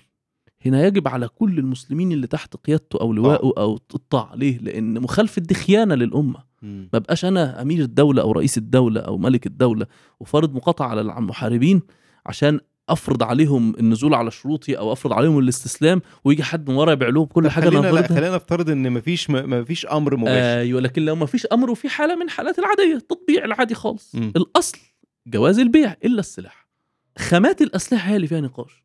اللي هو بيع الحديد مثلا يقول لك كده بيع الحديد ولا مثلا يقول لك إيه ما حكم بيع الحديد للمحاربين؟ فيقول لك مثلا إيه مثلا لا يجوز للبغاة ويجوز لغير البغاة كده يعني دي مسألة فيها تفصيل لكن أنا بتكلم برضه خد بالك هي دي مسألة تفصيل يعني دي مسألة بعيدة عن عن واقعنا إحنا أغلب واقعنا تلاقي شباب مبرمجين. developers cyber security شباب مصممين graphics شباب مثلا بي آه، آه، مثلا بيعملوا عمليات digital marketing أو كده ويقول لك إيه أنا بعمل شغل لصالح بنك أو لصالح أعمل شركات بورصة أو لصالح شركات فيها fashion أو كده خد بالك بقى إحنا كده اتكلمنا في إيه في نفس المذهب ده في اتجاهين ليه بدأوا يفتحوا لي شوية أبواب صح مم. باب إن هو بي بي بي بي بي بيسهل لي المعاملات اللي بتمثل ما يمكن تسميته بالحيلة الفقهية مم. اللي هو زي إن أنا أعمل مثلا شراكة ومرابحة في عمليات تمويل السيارات مثلا والعقارات والحاجات دي ومسائل الاعانه على الحرام بت... بقفل عن نفسي الباب ما دام أنا بنفسي ما بعملش معاملة حرام ولا بقدم حاجة متعينة 100% للحرام زي بيوت الدعارة. ما أنا ما ينفعش أفتح بيت دعارة. تقول لي ما أنا ما بعملش دعارة. أو بيع المخدرات. ما أنا أنا ما بشربهاش أنا بحرقها أنا ببيعها. لا ده كلام هزار. ليه؟ لأن أنا ببيع مخدر. فالمخدر ملوش استعمال إلا إنه يتشرب فده حرام. زي زي بيع الخمرة مثلا. بفتح بيت دعارة ملهاش استعمال غير إن اتنين يخشوا يعملوا حاجة حرام فده حرام. لكن أنا بأجر شقة يخش فيها حد يعمل حاجة حرام أو حاجة حلال دي مشكلته. بأجر عيادة مثلا فدخل. فيها واحد اطلع على عورات الأصل المسلمات فيها إنها منفعة جائزة و... إن هي آه منفعة مف- يعني مفتوحة. ويمكن استعمالها في الحرام في الحرام فخلاص أنا مش مسؤول. مم. أنا فاتح مطعم. أنا ممكن أبقى فاتح مطعم. يجي لي اتنين متواعدين في الحرام أو اتنين متواعدين في الحلال. مم. اتنين متجوزين خارجين يتفسحوا أو واحد مواعد واحدة في, في, في, في المطعم. أقول لهم لأ هذا المطعم الدخول فيه بالقسيمه ما فيش الكلام ده. أنا هستقبل أي حد وهقدم له خدمة. أنا سواق تاكسي. بتوقفني واحدة كويسة أوصلها مكان كويس وتوقفني واحدة وحشة أوصلها مكان وحش. أنا مش هقول لها لا انت رايحة فين واديني استعلام ومضي لي هنا إن انت نازلة مكان كويس ومش هتعملي هناك حاجة حرام أنت مالك بيها مم. ف- فمساله الايه يعني يعني تضييق الحكم بال- بحرمة الإعانة على الحرام لما يكون من هذه الصور ده مفيد وبيبدأ يديني ساعه في المسائل الفقهية. هروح للاتجاه الثاني الفقهاء اللي بيبصوا لمآلات الأحكام الشرعية. ودول بقى اللي ممكن جدا يبدأ تكون أحكامهم في المسائل دي الحرمة. لا انت كده بتحتال على الربا، لا انت كده بتعين على الحرام، صح كده؟ مم. آه، الفقهاء دول عندهم حاجتين عندهم حاجة اسمها فتح الذريعة وحاجة اسمها سد الذريعة. قبل فتح الذريعة وسد الذريعة لازم نفهم الذريعة صح كده؟ الذريعة هي الوسيلة للشيء. مم. يقول لك إيه؟ دي ذريعة لكذا. عارف حتى في المصطلح العامي زمان كده كنا نقولها بطلنا دلوقتي نقول الكلام. تزرع بشيء. آه تزرع بشيء. أو دي ذريعة لكذا. يقول لك دي ذريعة الخلاف مثلا دي ذريعة المشكلة دي ذريعة لكذا. سبب لكده. مم. الفقهاء المالكيه بيبصوا قوي لموضوع الذرائع ده. فيبدأ يقول لك إيه لو الموضوع ده هيقول بينا إلى حاجة غلط لا يقفله من دلوقتي. فيبدأ يمنع حاجات هي ظاهرها القفل زي قف زي منعه مثلا لقضايا الإيه الإعانة على الحرام أو كده. خلاص وزي منعه لكتير من ال- الحيل الفقهية. خلاص؟ لكن اتفرج بقى عليه وهو بيفتح حاجة تانية خالص بقى. أنا عندي مسائل الغرر. مسائل. إحنا قلنا من زمان خالص في الأول أول ما بدأنا نتكلم قلنا إيه؟ قلنا إن الغرر من الحاجات اللي الشرع الشريف منعها. وقلنا إن الغرر ده بالبلدي كده الجهالة المفضية إلى المنازعة. بالبلدي كده عشان تعم بقى إيه؟ حاجات كتير. فهلاقي الفقهاء المالكيه بيجوزوا الغرر في حاجات كتير. فتقول له يا مولانا ده غرر. يقول لك بس مفضي إلى مصلحة أكبر منه. فالمصلحة العائدة من المحققة من وراه أكبر من الوقوع في الغرر ده. فمشيها. مم. ويبدأ يحط قاعدة كاملة اسمها إن عقود التبرعات غير عقود المعاوضات في قضية الغرر. ويبدأ يجيز حاجات كتير جدا لا تجوز عند الحنفية. وهديك مثال. شوف إحنا من شوية استفدنا من الحنفية في قضية إيه؟ الإعانة على الحرام وقلنا كذا كذا كل ده مش إعانة على الحرام والناس تاكل عيش وت إيه؟ وتبدأ تتفت يعني تتعامل وتحت مظلة شرع ربنا سبحانه وتعالى. والناس تبدأ تشوف مخارج شرعية لمسائل الربا. رحنا بقى هنا في مسائل التأمين بكل تفاصيلها. طبعا مش التأمين التجاري التأمين التكافلي. اللي بيبدأ من صندوق العمارة. أنا في صندوق العمارة العمارة عندي مثلا 10 أدوار كل دور فيه 3 شقق فعندي 30 شقة. العمارة دي ليها حارس وليها خزان مية أو خزانين أو ثلاثة وليها موتورين أو ثلاثة أو أربعة وليها أسانسير وليها لمبات وليها وليها وليها فليها مصاريف شهرية. المصاريف دي مش ثابتة. المصاريف دي فيها ثابت زي مثلا فواتير المية أو فواتير الكهرباء بتاعة العمارة بتاعة السلم. أو الأسانسير تمام؟ والأجرة الحارس وليها بقى مصاريف إيه؟ كل سنة سنتين كده آه الأسانسير يحتاج 10000 جنيه صيانة مثلا. ممكن ما يحتاجش. فليها كده إيه؟ طلعات. فإحنا تحسبا لهذه الطوارئ بنلم من كل شقة مثلا 100 جنيه. بحيث كل شهر في 300 3000 جنيه بيتلموا. عمليا بنصرف كل شهر منهم ما يكملش 500 جنيه أو 1000 جنيه. طب ليه بنلم ال 3000 جنيه؟ عشان بعد سنتين يبقى في في الخزنة مثلا 30 40 ألف جنيه يقوم لما موتور الأسانسير يضرب نلاقي في في الخزنة فلوس تغطي. فده. فده عقد تكافل. ده عند الحنفية غرر. ما هذا لا يجوز. ليه يا عم الشيخ؟ قال لي ما أنا بدفع 100 جنيه وما أعرفش أخدها ولا مش هاخدها. ممكن مم. أفضل أدفع 100 جنيه لمدة خمس سنين وأمشي أبيع شقتي وأمشي؟ وابقى أنا دفعت 100 في 12 في 5 اعتبروها كده. مثلا؟ فما هي المقامرة صورة من صور الغرر. فهي صورة من الغرر. بيسموه غنم. غرم محقق وغنم محتمل. غرم محقق هنا عمال أدفع 100 جنيه كل شهر. عمال أقرب كل شهر. وم- واحتمال أستفيد واحتمال- منه واحتمال لا. واحتمال ما أستفدش. فده عند الحنفية لا وقف عندك الكلام ده ما ده غرر. ولو هتعمل كده آخر كل سنة تطلع sheet حسابات واللي اتصرف يتصرف واللي ما اتصرفش يترد. يتوزع. ولو ما تردش وهنكمل السنة اللي بعدها يبقى محافظين على ال sheet بحيث أنا مثلا بعد خمس سنين خرجت ليا رصيد ليا رصيد وأنا خارج أخده أو أتنازل عنه طواعية طب ما حدش يشترط كده يعني. في حين ده ما بيحصلش. اللي بيحصل إيه اللي خلاص اللي دفعته دفعته ما فيش حد هو خارج من العمارة بيقول للناس إدوني ال- لا، الست لا. شهور اللي دفعته. صح كده صح مم. ومثله عقود التأمين التكافلي الضخمة بقى يعني النهارده أنت مثلا لما بتروح تشتري برضه لو رجعنا لقضية عقد المرابحة بتاع السيارة اللي من البنك مم. البنك بيبقى قلقان إن العربية لا قدر الله يحصل لها حاجة فأنت ما تعرفش تصلحها فتلاقيك عجزت عن الحصول على خدمة السيارة ف... فده يأثر سلبا على سدادك للإقساط. فيفرض عليك تأمين. البنك الربوي أو العادي بيفرض عليك تأمين عادي تأمين اللي هو بيتأمين تامين الخطر مم. اللي هو طرفين عقد ما بين طرفين واحد منهم بيضمن للآخر بوليس التأمين وبياخد منه قسط شهرية وخلاص. مم. التأمين التكافلي هي صناديق بتفتحها شركات التأمين التكافلي وتبدأ تلم من المستفيدين منها اقساط وتعمل بوليصة يعني وثيقة تأمين مم. وبناء على شروط الوثيقة كل واحد بيستفيد الاستفادة الخاصة بيه. واللي ما استفادش يعني حضرتك دفعت الاقساط الشهرية أو القسط السنوي بتاع التأمين. لو ما استفدتش خلاص سقط حقك في الإيه؟ في المطالبة بالقسط التأميني اللي دفعته.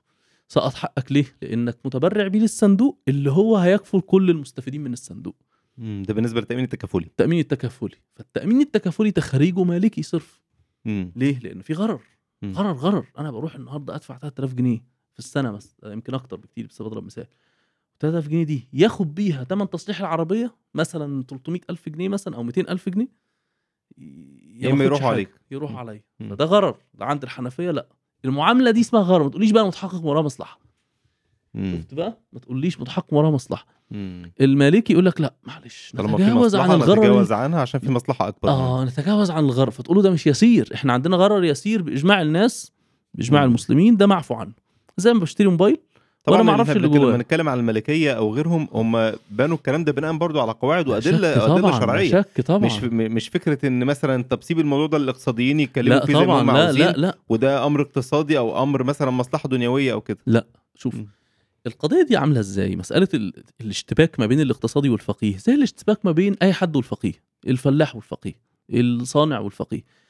ربنا بيقول اعملوا ما شئتم. يعني الناس تشتغل زي ما هي عايزة. مم. وانتوا طوروا علومكم الزراعية والهندسية والطبية والاقتصادية. بس اعرفوا ان كل حاجة هتعملوها هت... لازم تاخدوا عليها أوكي شرعي.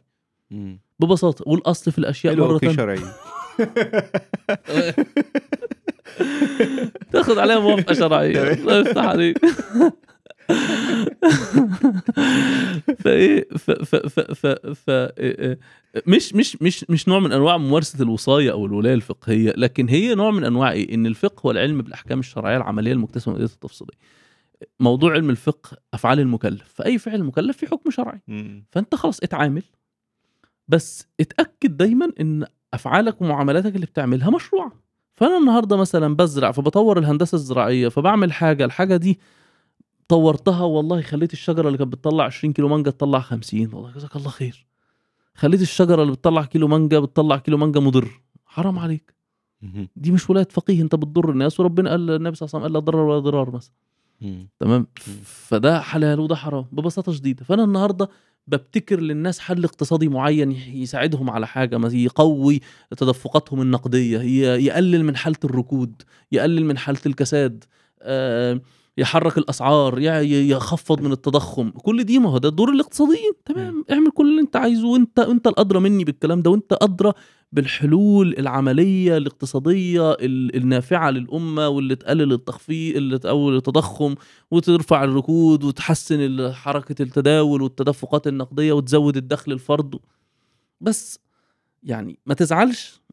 يعني بما إن حضرتك موضوع علمك هو حركة الناس في المال ومدى اكتسابهم ومدى قدراتهم المالية والشرائية وحركة الأسواق والكلام ده فأنا موضوع علمي أحكام ربنا سبحانه وتعالى في أفعال العباد أنت وغيرك. مم. فأنا هاجي أقول لك بس وقف عندك الحتة دي فيها غرر. وبإن أنا فقيه بيحرم الغرر في المطلق فأنا هقول لك ده حرام. والله. في فقيه آخر غيري قال لك هذا الغرر دونا عن غيره لأن مفيش فقيه بيحلل الغرر في المطلق.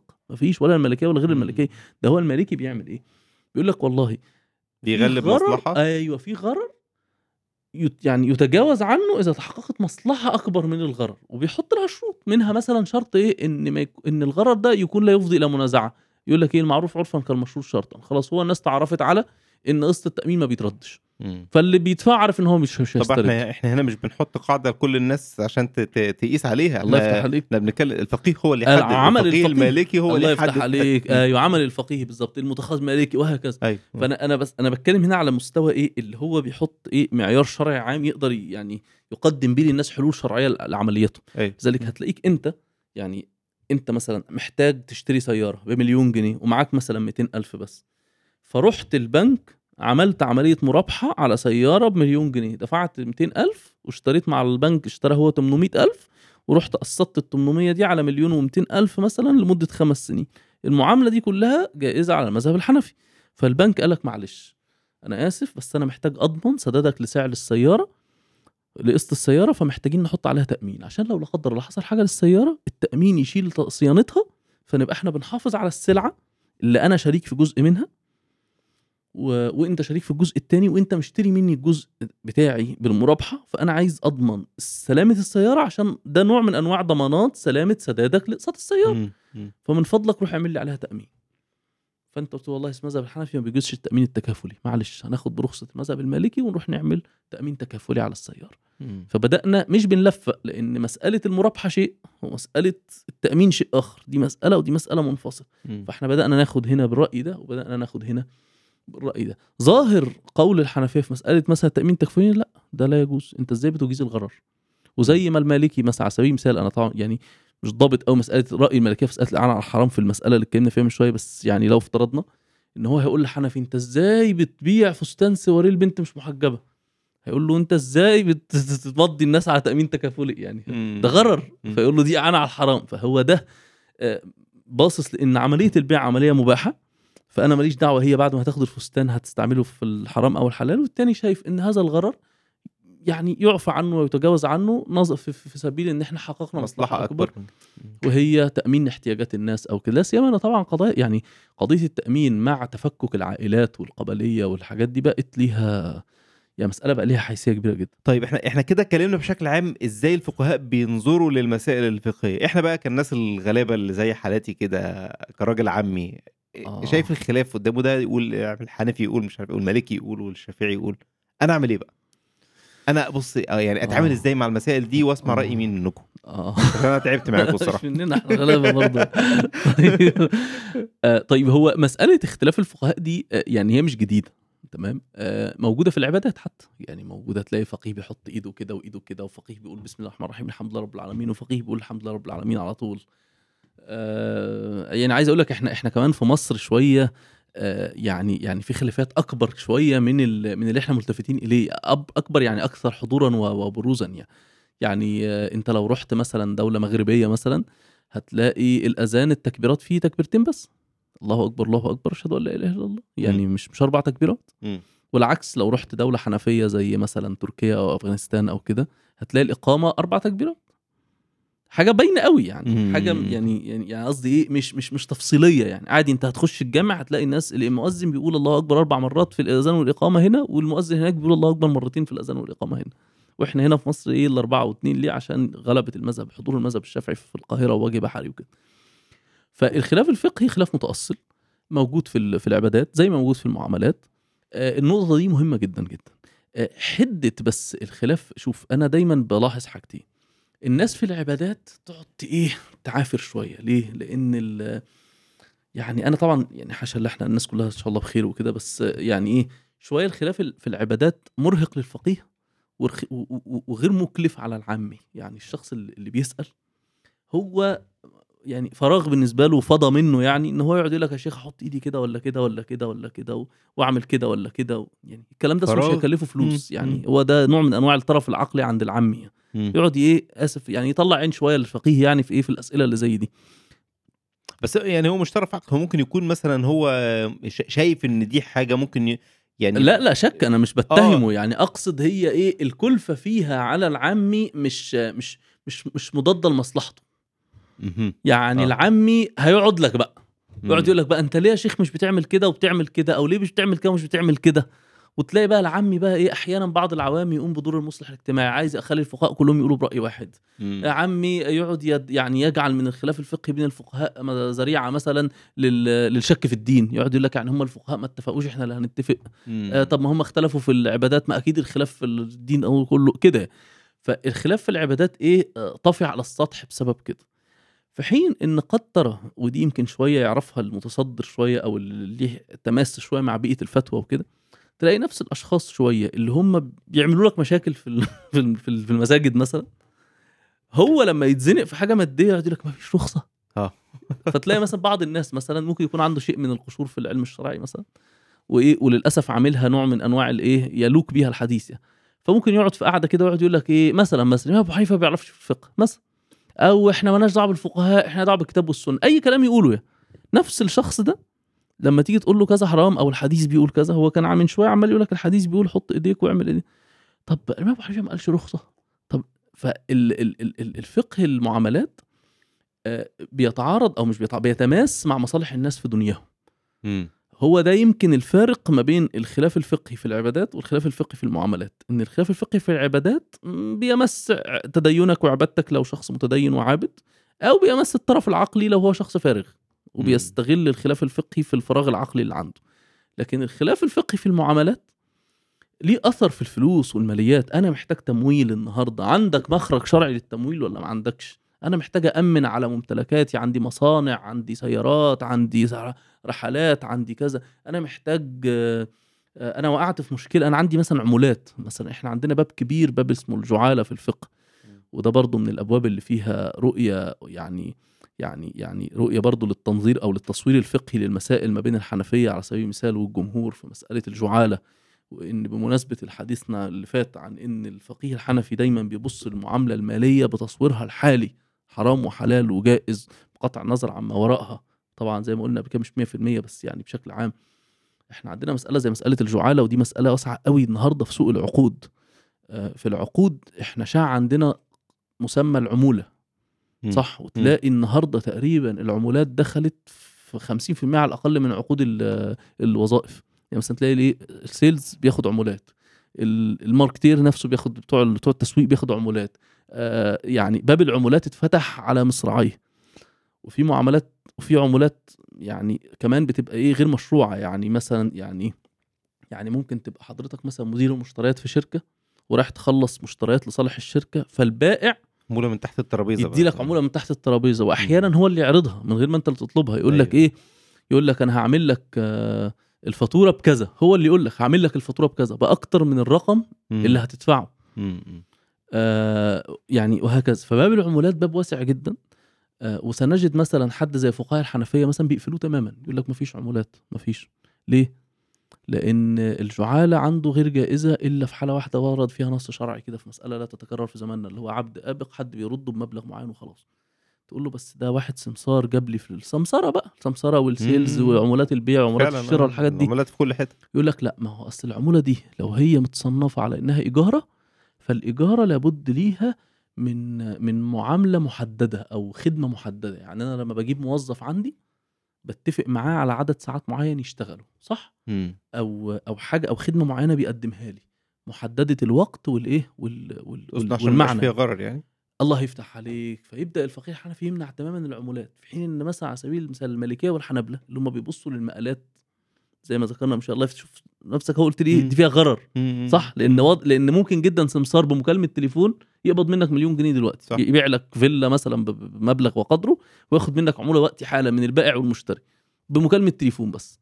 ده ممكن أصلا غير مكالمات تليفون. أنت تكلمه لسه كان عندي حد حالا بيسألني على كذا يلا خلص وياخد فيها مبلغ وقدره ممكن العكس ممكن يلف معاك على شوية البلد كلها وفي الآخر ولا شقة تعجبك. مم. فتبقى استأجرته على اللف ده وما اديتوش فلوس. مم. فده عند الحنفية مثلا لا ده اسمه غرر مفيش إحنا نتفق من دلوقتي إنك هتنزل تلف معايا وهتاخد 10 قروش. أنا عجبني أو ما عجبنيش. مم. والعكس. مم. وصلت طبعا بقى إيه وعلى هذا فقس. فده باب واسع من الأبواب. طيب مسألة الخلاف ما بين الفقهاء يعني إحنا نتعامل معاها إزاي؟ زي ما ذكرت من شوية إن الخلاف ده موجود في العبادات وموجود في المعاملات.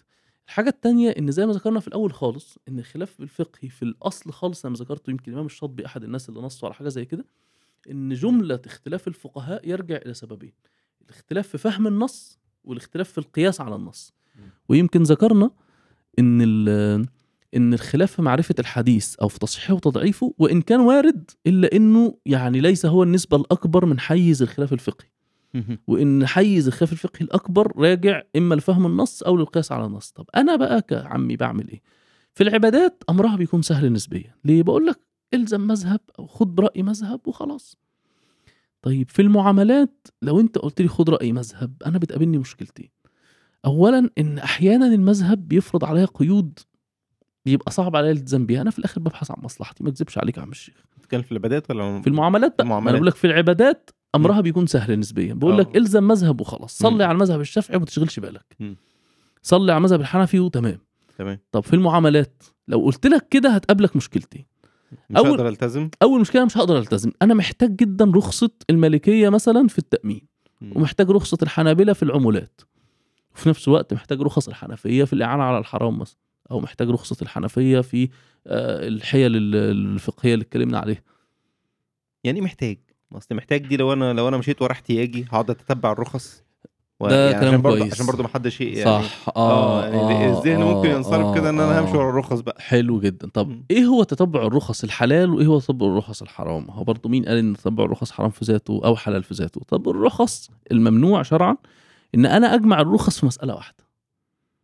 يعني إيه اجمع الرخص في مسألة واحدة؟ هديك مثال شهير جدا بنضربه دايما في المسألة دي.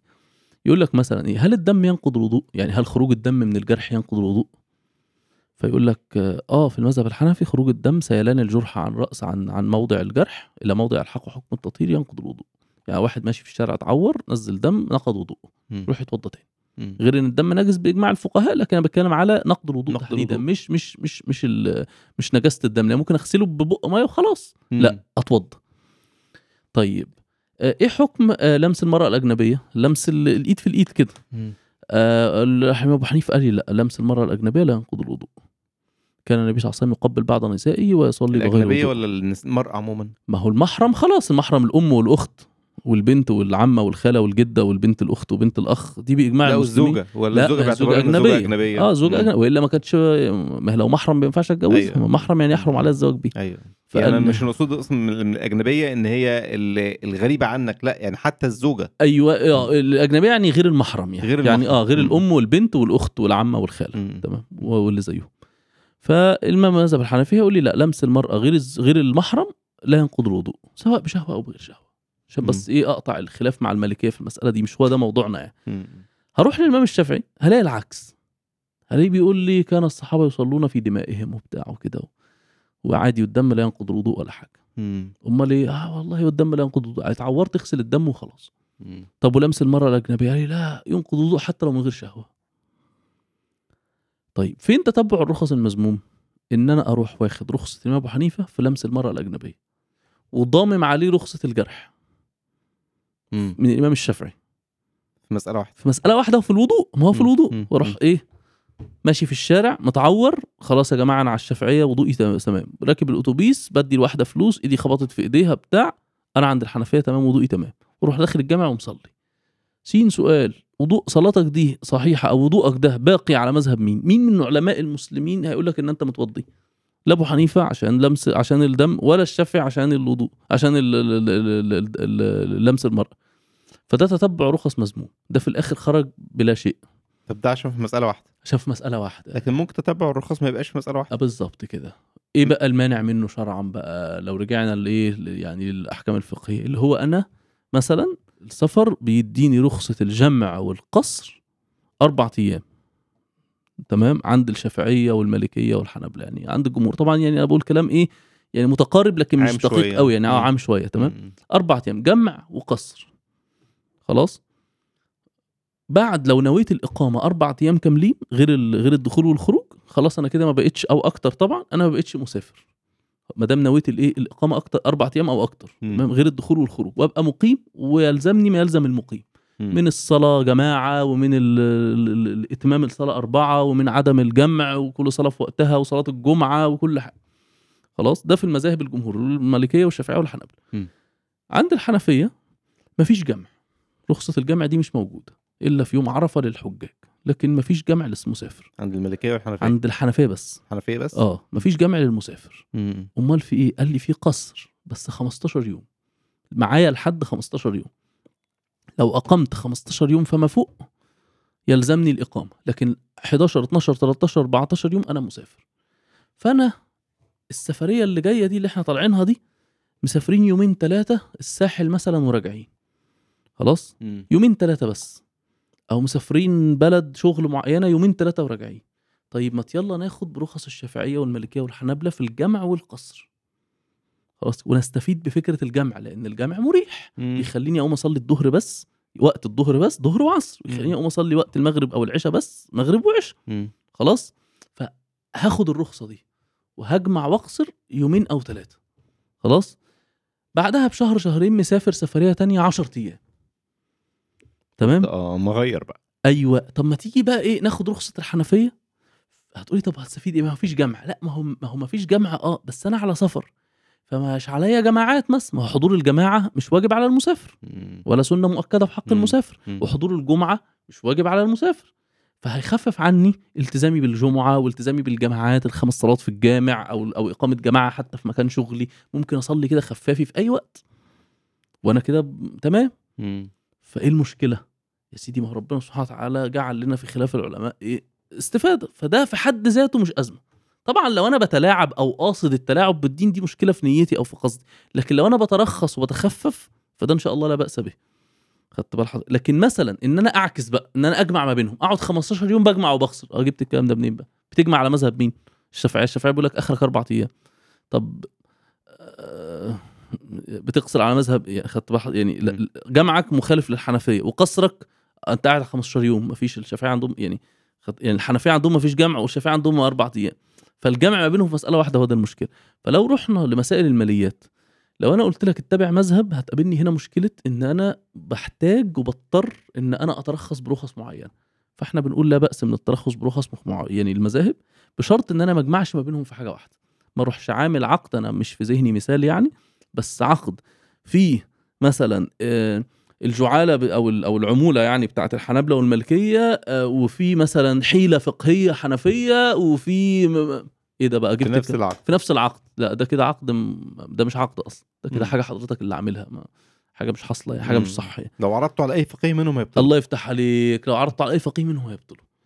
خدت بالك ده الترخص الممنوع. فاذا أنا ما أقدرش أقول للحد التزم مذهب كامل في كل المسائل الفقهية اللي هتاخدها وإنما هقدر أقول اتبع قول في كل مرة القول اللي تتبعه يكون راجع لمذهب من المذاهب. هتقابلني مشكلة تانية.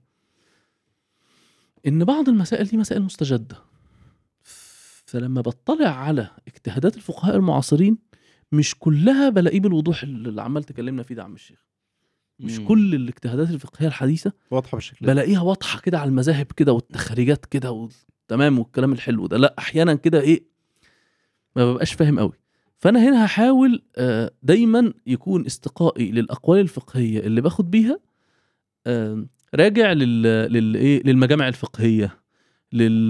للاجتهاد الجماعي الموثوق فيه أكتر منه حد كده جزاه الله خير طالع إيه يقول كلمتين قدام الكاميرا مثلا أو كده. طب أنا أعرفه إزاي؟ النهارده في في في في مثلا في في مجمع البحوث الإسلامية في المجمع الفقهي في مكة. لكن يعني الصراحة في في في حاجة اسمها ال- الهيئة الإسلامية العالمية للمراجعة مراجعة المراجعة المالية الإسلامية. دي بتضم تحتها يعني تقريبا شبه كل المجامع البحثية الإسلامية تقريبا يعني. يمكن كل دي كلمة فيها شيء من المبالغة بس يعني بتضم تحتها. دي اسمها إيه؟ هي اختصارها أيوفي double A أو AAOIFI آه، مؤسسة بحثية. آه، مقرها الرئيسي في البحرين لكن هي ليها مقرات وليها مراكز تبع هنا في مصر ليها تابع ليها جمعية كبيرة معترف بيها وليها جمعيات ومراكز بحثية تقريبا في أكتر البلاد الإسلامية. هي تأسيس ثلة ضخمة جدا من فقهاء المسلمين. عايز أقول لك كان فيها أكتر من حاجة وخمسين فقيه من كبار فقهاء المسلمين فعلا في فترة الثمانينات والتسعينات أسسوها. مم. منهم مفتي باكستان وفقهاء كبير من الهند و والسعودية ومصر والكويت والبحرين وعمان واليمن والمغرب ويعني والشام ويعني أكتر البلاد الإسلامية تقريبا شاركوا فيها. وعاملين حاجة اسمها المعايير الشرعية. دي آه، دققوا كل المعاملات الإسلامية الحديثة. آه، يعني كلمة كل برضو فيها مجاز. فهم كل فترة بيضموا عليها معاملات حديثة بيحطوا لها معايير شرعية ضابطة. تحت كل معيار بيكتب بيكون اتعمل عدد من البحوث هم بعد كده بيفلتروها وينقحوها ويجمعوها وينزلوها في دراسات. منزلين كتاب أربع مجلدات اسمه دراسات المعايير الشرعية ومنزلين المعايير الشرعية نفسها في مجلد. وهي هيئة اعتمادية يعني هي حتى بتدرب باحثين وتعتمدهم تشرف على البنوك هي وبتشرف. على وليها تحتها المجلس العالمي الإسلامي للبنوك الإسلامية أو المجلس العالمي للبنوك الإسلامية بتشرف على البنوك وبتدي معيار الشرعية لل. بشكل عام فتاويها أو الفتاوى الصادره من المعايير الشرعية يعني نقدر نقول بنسبة كبيرة جدا هي دقيقة ومنضبطة ومردودة لمذاهبها الفقهية المؤثرة جزاك الله خيرا يا مولانا. الله. حلقة بصراحة ما شاء الله. يعني ما الله توقعش صراحة حلقة عن المعاملات نقعد تقريبا ثلاث ساعات. الله أنا برضه والله ما الله. توقعتش كده والله. ما شاء الله. لا بس الحلقة الله ممتعة. يعني. الله أنا أنا حاسس. إن الحلقة دي ممكن تكون إيه يعني أسهل كلام اتقال في المعاملات أنا سمعته حتى الآن الله يعني. يبارك فيك. فأتمنى طبعا إنها تكون مفيدة للمشاهدين. ربنا يبارك فيك. جزاك الله. خيرا. آه، الله. أنا سعيد ان شفتك وسعيد بالحلقة وربنا رب ينفعنا بيها جميعا كده. اللهم آمين. حسناتنا. آمين يا رب. جزاك الله خيرا. سبحانك اللهم وبحمدك نشهد أن لا إله إلا أنت نستغفرك ونتوب إليك.